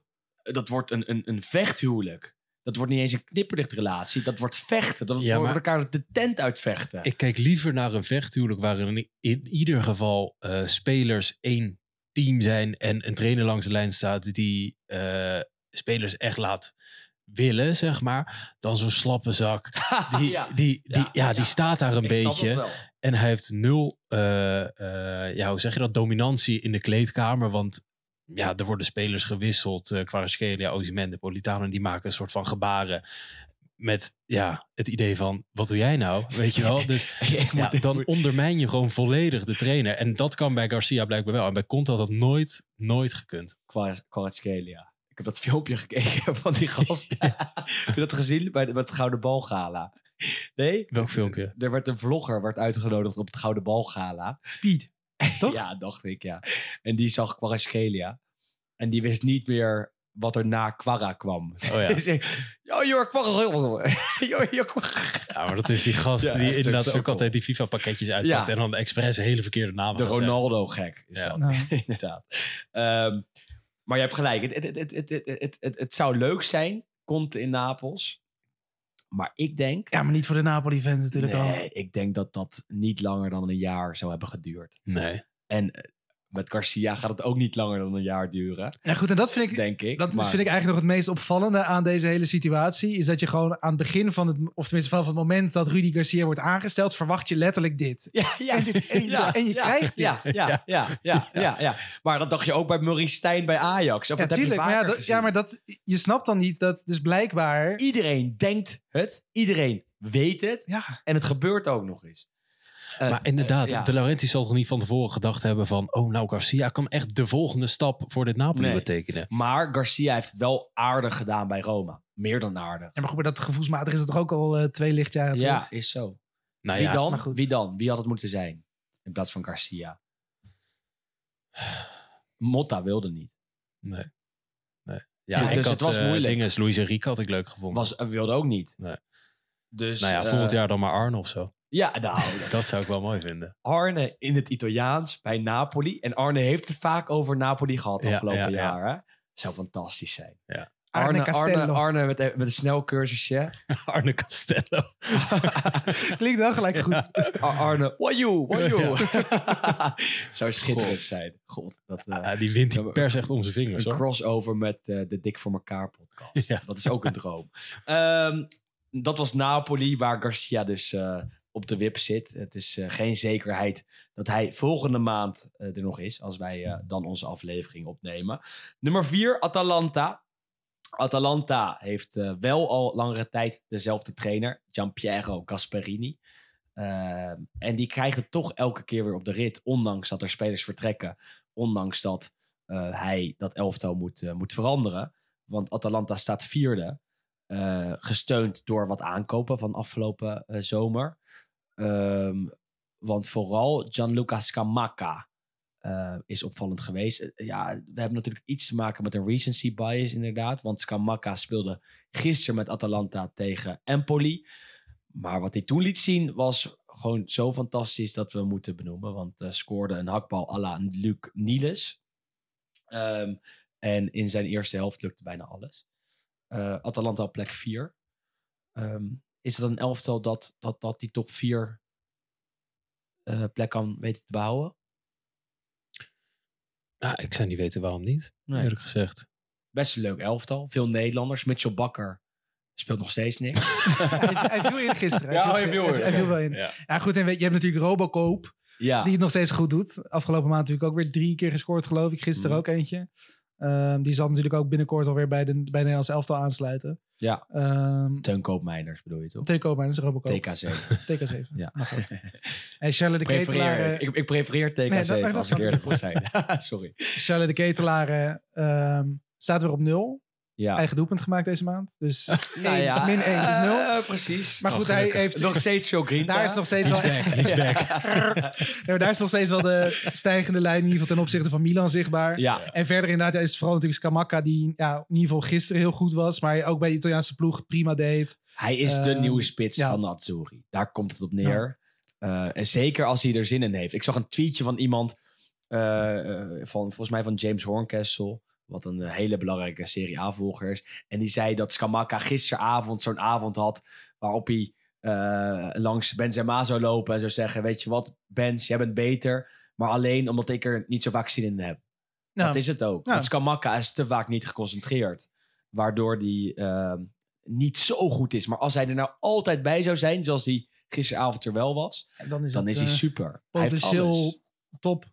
Ja, Maar dan hebben we eigenlijk een beetje een nieuw Balotelli voor het Italiaans voetbal. nou vind ik wel een klein Maar goed, maar beetje. het is wel ook een Ja. beetje een soort vergelijkbaar type natuurlijk. Bad boy. Eh, ook genoeg dingen buiten het veld natuurlijk al gebeurd, ook bij hem. Maar vooral met eh, zijn vader. ja. Vooral met zijn vader. Eh, nou ja, goed, ja, het is niet de meest makkelijke jongen. Nee. Eh, Nee. Natuurlijk ook wel heel veel clubs gehad intussen. Op zijn, wat is hij, 24 pas geloof ik. Heeft echt al acht of negen clubs versleten. Ook af en toe op PSV, huurbasis en zo. Soort dingen. Ik zat dus van de, ik zat gi- gisteren ook even te kijken naar. Hij heeft dus in de keukenkampioen-divisie gespeeld. Jong PSV. Drie wedstrijden, in totaal 35 speelminuten. één rode kaart. Ja, geen goal. Geen, geen nee, goal. Ja, nee, nee. Skamakken. En in Nederland is niets laten zien, überhaupt. Want eh Pek Zwolle, bij Pek ook Zwolle was ook niks. Toen kwam hij met nog een Italiaan, dacht ik. Wie was dat? Die blonde bek, die heeft... Was, wat was dat? Die ging van Juve naar Cagliari. En die heette... Hoe? Komen we zo even bij jullie op terug. Ehm, Leuke dat- kijkersvraag. Leuke kijkers. ja, dat vinden we zo meteen wel. Uh, Atalanta op plek 4, daar zijn ze in Bergamo hartstikke eh, tevreden mee. Ehm, nummer 3, Milan. Milan eh, heeft deze maand eerste gestaan, maar won de afgelopen twee wedstrijden niet. Eh, verloren natuurlijk van, eh, van Juve met 0-1 na een rode kaart. Ehm, die eh, snel werd getrokken, maar wel terecht werd getrokken en werd gegeven aan Chal. Ehm, en daarna verloren ze in de Champions League van PSG en speelden ze gelijk tegen Napoli. Dat maakt dat de kritiek op Pioli weer wat eh, heviger is geworden. Eh, kritiek is dusdanig dat ze zeggen rondom Milan dat Pioli geen enkel topduel wint. Wat misschien ook wel een beetje zo is. En inderdaad zijn team niet renoveert. Of tenminste, tenminste zijn tactiek niet, niet verbetert. Is dat iets waar wij ons in eh, kunnen vinden? Oslo Stadion? Los Stadion? Ja, eigenlijk, kijk, het ligt natuurlijk allemaal iets genuanceerder, maar het is, ja, het is wel een trainer en een team dat op eh, piekmomenten niet piekt. Nee. Ehm, en dat zie je ook eh, terug in de Champions League bijvoorbeeld, waarin ze tegen Newcastle eigenlijk de hele wedstrijd heel dominant waren. Maar het lukt op de een of andere manier niet om een wedstrijd over de streep te trekken. Uit in Napels staan ze met 2 2-0 voor. Het lukt op de een of andere manier niet om de wedstrijd over de Nee. streep te trekken. Dus ja, dat is wel een syndroom om, om het nog niet eens te hebben over alle derby de, de la Madonnina die ze nu op rij hebben verloren. Maar ja, dat is wel een syndroom van dit Milan. Nee, dat is, eh, dat is 100% waar. En daardoor is die eh, kritiek weer wat eh, heviger geworden. Terecht? Nou ja, Juve heeft dit seizoen evenveel gescoord als Milan in de Champions League. Dus dat zegt denk ik genoeg. Ja, het, Ja. ja. kijk, het is niet eens per se... ehm, ja, eigenlijk een beetje hetzelfde verhaal wat we natuurlijk net hadden bij Lazio. Je merkt dat het in de competitie op zich nog wel oké gaat. Ze af en toe wel die punten gewoon pakken die ze moeten pakken. Maar vooral op het moment dat het inderdaad, ja, wat jij net zegt, Vin. Op het moment dat je moet pieken, op het moment dat het niveautje even iets bijschakelt. Dus bijvoorbeeld de derby tegen, tegen, tegen Inter. Of bijvoorbeeld Mhm, een mhm. wedstrijd tegen, tegen PSG. Dat je alle hoeken van het veld te zien krijgt. En Echt kansloos. Tegen ook, PC en ook daar, heel kansloos. ja, en ook daar wat we natuurlijk net eh, herhalen bij, bij Napoli, dat ja, of, en, bij, en bij Lazio en bij Juve natuurlijk dat de trainer iedere keer hetzelfde blijft doen. Maar dat je ook bijvoorbeeld bij Napoli zag dat Kvaratskhelia en, en Osimhen zich publiekelijk bijna openbaar richting de, de trainer keren. Dat zag je nu natuurlijk afgelopen weekend eh, bij Giroud en Leao, die ook allebei een soort misbaar maakten nadat ze gewisseld werden. En goed, dat zijn vaak toch wel de eerste tekenen van dat er echt iets niet goed zit. En. Dat het ook gewoon vooral vanuit de spelersgroep nu een soort van publiekelijk wordt aangegeven. Er moet het, iets het veranderen. breekt. En, en die kritiek van Calabria na eh, de wedstrijd tegen PSC, eh, waarin hij zei ja, dat er ook tactisch weinig van klopte bij Milan. Dat is een rechtstreekse aanval op Mhm. Pioli. En Giroud afgelopen weekend ook van in de tweede helft, nadat we die 2-0 hadden gemaakt. We wisten gewoon niet wat we mo- moesten we aanvallen, Ja, moesten we en- verdedigen, wat moesten we doen? Maldini wilde van Pioli af afgelopen zomer. Toen is Maldini eh, de laan uitgestuurd en Pioli gebleven. Had How the Milan- tables have turned. Ja. had, had Milan er goed aan gedaan om Pioli te vervangen afgelopen zomer? Ze staan derde, bijna eerste. Dus het is een eh, opportunistische vraag. Ja, het ligt er ook daaraan wie dan de vervanger was geweest. Ja. Ja, Toch? Ja, ik bedoel, als die voor Rudigers hier waren gegaan, had je gezegd, laat Ampioli maar zitten. Maar ja. snap je? Kijk, Kijk, dus dat, dat, voor dat, Antonio Conte. dat is lastig. Ja. Maar die krijgt daar ook niet wat hij wil. Dus eh, het rommelt er wel. Want Milan heeft een lastige maand achter de rug. Inderdaad, maar één keer gewonnen. Op bezoek bij Genoa. Eh, die trokken ze met heel veel pijn en moeite over de streep. Met eh, een rode kaart voor Magnan. En Giroud noemden we net al even als, eh, als aanjager in de spits. Als doelpuntenmaker. Die wedstrijd keepte die. Ehm, zijn jullie moe geworden van alle tweets, foto's, acties met Giroud in een keepershirt? Of mocht het wel? Op dat moment mocht het wel. Maar goed, ja, ik vind met dat soort... Kijk, ja, het is ook niet zo, het is ook niet Wat zo bijzonder. gedweep, 24 uur, 48 uur, oké. Ja. Maar goed, het blijft nu nog steeds doorgaan. Het is ongelooflijk. Ik zie dit het langskomen nog steeds nu weer. Ja. Er was vandaag weer een tweet. Toen dacht ik, ja, het was leuk. Maar het is niet zo moet niet, moet niet te lang duren, toch? Hij heeft, was wel leuk. Ja, we zitten hier nou te zeiken, joh. Ja, maar het was even, nee, maar het was Ik even ben gewoon een zeikert. Ik ben een zeikert. Ik weet het. Het was maar, even leuk. Ja, het was even leuk. Alleen het, het, Ja. het, het, het was wel Het voor hoeft mij... niet drie weken leuk te zijn, Precies, het was maar. voor, voor mij eerder voorbij dan voor de rest. Zeg maar, heel veel mensen vonden het nog steeds leuk om wat met Giroud te delen in een keeper. Nee, drie is weken ook, later. is ook. Ah, joh. Toen was ik er wel klaar Clickbait, hè? Clickbait. Ja, dat maar is goed, op zich, ik vind het wel grappig hoe ze het hebben gedaan. Ze hadden hem gelijk natuurlijk diezelfde avond tussen de keepers gezet op de website. Ja, oké. Keepershirt met Giroud-bedrukking, uitverkocht. Ja, ja, Kijk, ja. dat is leuk. Maar goed, dat is dus inderdaad iets wat misschien nou de paar dagen na zo'n wedstrijd... is dat nog een beetje het verhaal van het weekend. Maar goed, ja, het was nu vorige week, of wat was het, 22e... Milan-Juve, ook weer poster. Nou, Giroud met handschoentjes Dat aan. Tegen Vlaovic of weet ik veel wie er toen aan Juve-kant stond. Weet ik, Ik- ben zo goed, dat soort dingen allemaal. Dus ik van, het gaat... Ik ben, zo mag ge- ook ik ben zo geïrriteerd door een jongetje op de tribune met een eh, ja, met Giroud erop Ja. in een keepershirt. Dat is mijn irritatie. En ja, dat, dat is heel Je hebt kinderachtig. gewoon hele lichtere, Ik lichte zal me triggers. inhouden. ja. Ja, dat is een kleine Ja, het is gewoon allemaal heel Instagrambaar. Ja, dat is het. Dat is het. Maar goed, dat is ook Italië. hè? Milan staat derde en eh, doen gewoon nog leuk mee in de Serie A met 22 punten. Drie punten achter koploper Inter. Maar daartussen staat Juve met 23 uit 10. Juve dat eh, geen Europees voetbal speelt. Daardoor door sommigen wordt gebombardeerd tot favoriet voor de Scudetto. Dat is een status die ze afgelopen maand wel waar eh maakten, zou ik zeggen. 0-0 bij Atalanta is eh, echt niet slecht. Voor de rest gewonnen van Torino, van Milan en van Verona. Eh, zoals gezegd tegen Verona met een doelpunt in eh, de eh 96e minuut, Cambiaso. Favoriet of niet? Ja, favoriet niet. Denk- Kandidaat? kandidaat wel. Percentage? Ja, ik denk nog steeds dat en Milan en Napoli en Inter... natuurlijk- Napoli? Ja, goed, Inter sowieso. Maar ik denk dat die gewoon nog steeds verder zijn dan dit Juve. Ja. Maar Juve heeft natuurlijk wel een groot voordeel. En dat is inderdaad dat je geen andere wedstrijden hebt. Nee. Eh, dus ik denk dat dat ervoor zorgt dat ja, Juve een grotere kans heeft dan als je inderdaad daar nog Europees voetbal bij zou, bij zou zeggen. Maar goed, ja, Inter is voor wat mij betreft gewoon de favoriet. Ze hebben pech dat ze Inter treffen na een interlandperiode. En niet na een Europese week. Dat was lekker geweest voor Ja. Juve, denk ik. Ja, Eh, voor zover dat dan al een verschil maakt. Eh, maar nu heb je echt gelijke eh, kansen voorafgaand aan de wedstrijd. maar goed, Wat begin van het seizoen was bij Juve nog niet fantastisch. En die hebben toen op een gegeven moment duidelijk gezegd van nou, we gaan weer even verdedigend alles op orde krijgen. En inmiddels hebben ze vijf wedstrijden de nul gehouden. Ja. En inderdaad ook best wel grote wedstrijden gewonnen. Torino, de derby.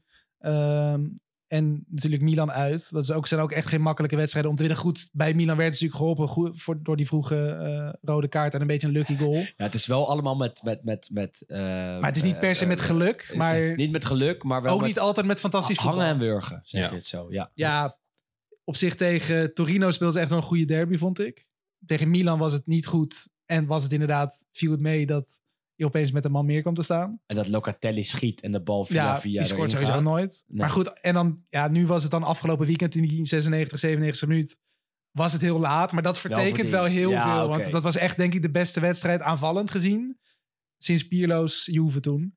Vind jij dat... Ook qua onderliggende data. 30 schoten, bijna 4 XG. Ja, oké. Dus dat vertekende wel heel erg dat dat maar 1-0 werd. Moet Allegri zijn jasje voortaan aanhouden of niet? Nee, ja, hoe gekker hij doet, hoe beter Juve vaak gaat voetballen. Ja. Ah, want daar zit ik dus zo op de cringe. hè. Maar dat is Ja, ook ja, natuurlijk, wel, maar dat is ook ja, weer klauw. ja. Maar dat is gewoon een beetje Inzaghi bij Inter, Allegri bij Juve. Dat zijn niet Zo. echt de Ah, toonbeelden van een Italiaanse trainer. Als je dat dan vergelijkt Ja. met een Ancelotti bijvoorbeeld. Ja, ja, ja. nee, dat Klasse, klopt, dat klopt, dat elegantie. klopt. En dan heb je dan En twee ook van die... Xavi. Ik vind, vond, vond tijdens El Clasico, Xavi praatte wel wat, maar, maar op een andere manier dan al die Italiaanse trainers. Nou, Ehm ik ik zit in de Serie A. Naar te kijken en dat ik denk, vent, je bent... Hoe, oud? Hoe oud? Ja, Maar doe eens daar- normaal. daar- daarvoor was het ook al de hele tijd bezig. Eh gooide die een flesje weg. En eh, op een gegeven moment was de druppel eh, die de emmer deed overlopen. Een aanval waarbij Juve de bal verspeelde. eh, terwijl ze 1-0 voor stonden tegen 10 man. En dus te slordig met die, eh, met die bal omgingen. Ehm, wel met 1-0 gewonnen van Milan. En eh, ze staan tweede. Worden inderdaad eh, gewoon steeds meer een titelkandidaat, zou ik zeggen. En, en het positieve wat daar in ieder geval nu nog deze maand is gebeurd. voor- In ieder geval vooral voor de stadionbeleving. Is ook de tweede test van eh, Paul Pogba. Die- Die is ook geweest. Ook positief. Ook positief. oh, dat, ja, ja. Heel leuk, heel Ja, leuk. En echt, en echt positief. Eh, Het was een leukere grap dan dat, hem dat, dat nu lijkt. Ja, ja, sorry. ik vond hem echt eh, achteraf, Ja, vond ik, ja, ja, toen je me dankjewel. uitlegde, Ja, ja. vond ik hem... Ja, we zijn al even Toen was hij fantastisch. ja. Ja, sorry. Ja. Nee, maar het echte positieve was dat de fans van Juve eindelijk weer fans Oh ja. zijn. Eh, dus dat eindelijk in het stadion eh, zeg maar een beetje alle ja, verboden en dingen zijn opgegeven. Dus daar nu ook gewoon weer vlaggen en er is weer sfeer. En je merkt dat ook echt wel terug. Dat zag je in het eerste eigenlijk weer in die derby tegen Torino. Dat de fans ook echt weer aanwezig zijn en vocaal zijn en zich laten horen. En ook de ploeg ja, steunen. Ja, Ehm, en dat is is, eigenlijk heel lang niet geweest. Natuurlijk vanaf het moment dat natuurlijk Agnelli een beetje bonje kreeg met de ultra's. Mogelijke maffiabanden, Mhm. georganiseerde misdaad. Ja goed, Italië is natuurlijk nooit ver weg dan. Ehm, maar goed, dat is in ieder geval een positieve ontwikkeling naast de positieve test van Paul Pop. Ehm, ook in Milaan veel positieve zaken. Geen dopingtesten, wel veel goede resultaten. In ieder geval aan de zwart-blauwe kant van de Navilli. Want eh, Inter presteert uitstekend dit seizoen. Ehm, blijft eigenlijk maar winnen. In eh, oktober punten verspeeld tegen Bologna. Nadat ze met 2-0 voor stonden, toch nog 2-2 gelijk. Dat was pijnlijk. Voor de rest is het eh, echt wel indrukwekkend wat de Nerazzurri laten zien, zou ik zeggen. Eh 1-0 gewonnen van Benfica. Wat echt een wedstrijd was waarin Inter fantastisch was. Vooral de tweede helft. Gewonnen bij Torino 0-3, wat een lastige uitwedstrijd is. Gewonnen tegen Salzburg. En dus ook te sterk voor Roma. En ook dat was een uitslag die wat vertekenend is. Want Inter was Ja, beter, dan beter. eh, een- een 1-0. Ja, enige smetje inderdaad, wat we net al zeiden bij Bologna. Eh, ja, dat Slordig. Ja. uiteindelijk van 2-0 voor naar 2-2. Dat mag natuurlijk in die zin niet gebeuren. Maar Dat is het eh, waar Inter vorig jaar en het jaar daarvoor de, de titel op heeft verspeeld. Ik zeg niet dat ze kampioen hadden moeten worden, want Milan en Napoli waren twee keer beter, waren allebei los van elkaar beter. Maar vorige jaren ging het te vaak mis tegen zulke soort teams. En, en dat is toch iets wat eh, er nog steeds in zit. Want eh, dit jaar al thuis verloren van Sassuolo, dus ook gelijk gespeeld thuis tegen Bologna. En als titelkandidaat nummer 1 mag dat niet gebeuren. Ehm, gebeurt dan wel en dat is eh, voor hen jammer. Wat, wat daar wel goed nieuws is, is dat Touram zijn fantastische vorm van september heeft doorgetrokken. Echt een publiekslieveling is. Het elke wedstrijd laat zien met zijn acties, met zijn assists en met zijn doelpunten. Is de beste speler ooit wat betreft assists en goals na tien duels in de shirt van Inter. Sinds die data beschikbaar is. Sinds die data beschikbaar. 2003 4 Oh, ik moet ook helemaal niet met die statistieken Nee. aankomen. Ja, dat, dat is het dat klopt, maar ja, het best klopt. veel wel. meer op de verhalen gooien. Maar Touram laat het zien. Ja, en, eh, fantastisch. er wordt eh, veel voor hem gezongen in San Siro. Martinez, Lautaro is ook gewoon nog steeds eh, hartstikke goed. Waardoor Papa Inter, zat op de tribune van de week. Ja, daar wel een soap met zijn, zijn nanny. Eh, afgelopen Lautaro? maand. Bij Lautaro. Ja. Oh, sorry. Je, je, Nee, het ging over de vader van Turan. Ja, zat, oh, eh, sorry, met, ja. met een zonnebril om die zat eh, er. kwart voor elf. Ja, en dat daarna ook nog een Intersau om als oud Juventino. Juventino. En bij Lautaro is soap. Ja, god, hoeven we niet te veel of te lang over uit te wijden. Want dat is ook weer ontkend aan de andere kant. Waarbij die zijn nanny zou hebben Onterecht hebben ontslagen. onterecht zou hebben ontslagen. Precies. Inter dus nummer 1. Hoeveel procent kans is het dat zij kampioen worden? En de 60. tweede ster pakken? Ik wil ook 60 zeggen, ja.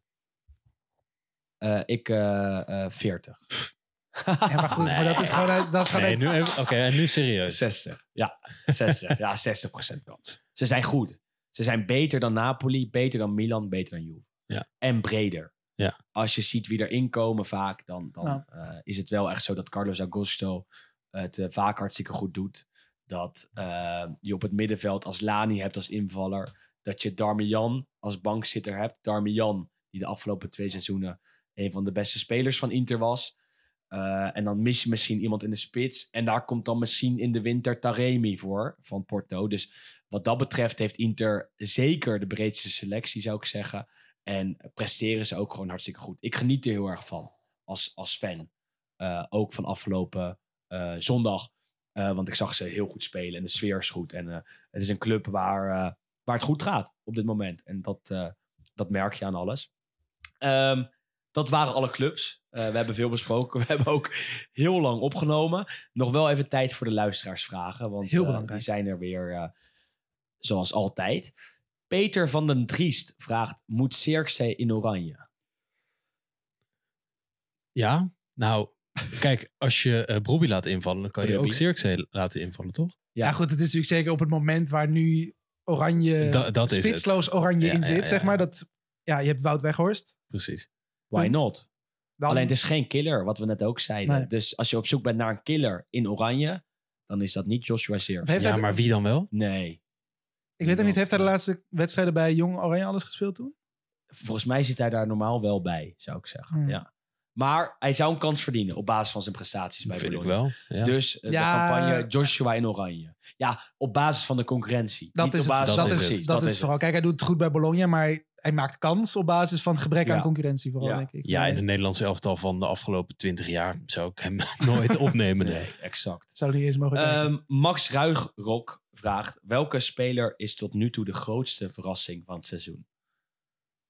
Hebben we al even eh, genoemd. Ja. Soule kwam daar langs. ja, ja, verrassing is denk ik inderdaad meer Goodmoedson. Ja. Tenminste, ja, ik heb Soule veel zien spelen bij Juve, ook in- bij de Eh, Next Gen en de onder 19 en zo. Dus ik had wel vertrouwen dat hij daar bij zo'n ja, op iets lager niveau dan bij Frosinone tot zijn recht zou komen. Maar het is vooral Goodmoedson wat echt gevoelsmatig volledig uit het niets komt. En Touram noemen we hier niet, hè, denk ik. Want die deed het ook al aardig bij Gladbach. Het punt is wel dat hij bij Inter nu echt spits is. Ja, maar en vooral verrassend dat hij het vol weet te houden eigenlijk. Ja. Het is vooral nu ook gewoon, deze maand ook maanden. prima speler van de maand kunnen worden. Absoluut. Dus het is meer dat dat wel heel bijzonder is voor een speler in een nieuw land. Maar in- niet bij een zo nieuwe club. verrassend. Ja, heel knap vooral. Ja. Knap vooral. Dus eh, we gaan voor Goedmundsson van, eh, van Genoa. Die ook de speler van de maand is. Laatste vraag. Anton Korteweg vraagt: Gaat Osimhen blijven? Want eh, het lijkt weer alles eh, koek en ei tussen hem en eh, Napoli. Alleen presteren ze nu ook zonder hem. Ehm, Dus ik, denkt de Laurentiis misschien, dan moeten we hem gewoon verkopen. ik denk niet dat hij... nou, hij zal dit seizoen afmaken, maar ik denk dat hij volgende zomer wel weg is hoor. Ja, En zeker. ehm, alles koekenij weet ik niet. Mhm. Er wordt al een lange tijd gesproken over contractverlenging die mondeling akkoord zou zijn. Maar concreet hebben we daar nog niks van teruggezien. Er zijn natuurlijk de nodige soaps geweest met TikTok en uitspraken van, eh, van vooral de kant van Napoli die bij Osimhen in het verkeerde keelgat zijn geschoten. Dus die, die gaat gewoon weg volgende zomer, denk ik. ja, dat denk ik. Eh, Napoli zonder hem ook goed. Mm, weet ik ook niet. Ja, Vorig jaar hebben goed. ze, hebben ze best wel veel wedstrijden zonder hem gespeeld. eh, en, eh, en ook goed gespeeld.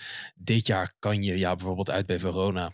Ja, daar, daar win je. Maar op de lange termijn is Napoli zonder Osimhen gewoon echt een stuk zwakker, vind Ja, ik. eens. Dus als je daar volgend jaar een goede spits voor terughaalt, dan voorzie ik niet heel veel problemen. Maar ja, als Osimhen weggaat, dan doe je hoe dan ook echt een jas uit.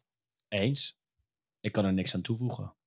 Denk ik. Het is gewoon Ja, dit- zonde dat ja. bij zo'n speler dat hij al drie, vier keer naar Nigeria is gegaan. Ja. En hij komt altijd met wat terug. Ja. Twee of drie keer met een blessure. Eén keer met dat eh, geld dat hij aan het strooien was, waarna die corona op had gelopen. Nigeriaanse traditie.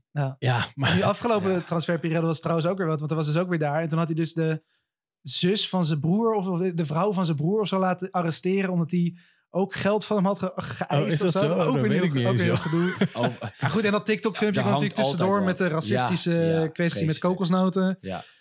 Ja, het is...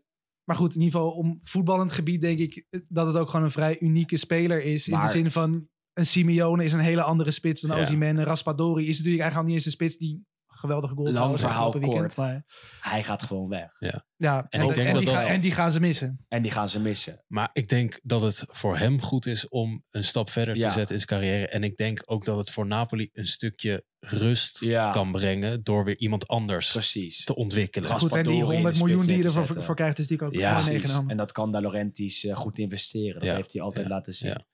Jongens, dat eh, was de aflevering van, eh, van de maand oktober. Heel lang opgenomen. Altijd leuk om alle clubs even te bespreken. Eh, ik hoop dat jullie dat ook vinden als luisteraar. Laat het vooral even weten op Twitter, op Instagram of eh, op onze Vriend van de Show pagina, die ook nog eh, bestaat.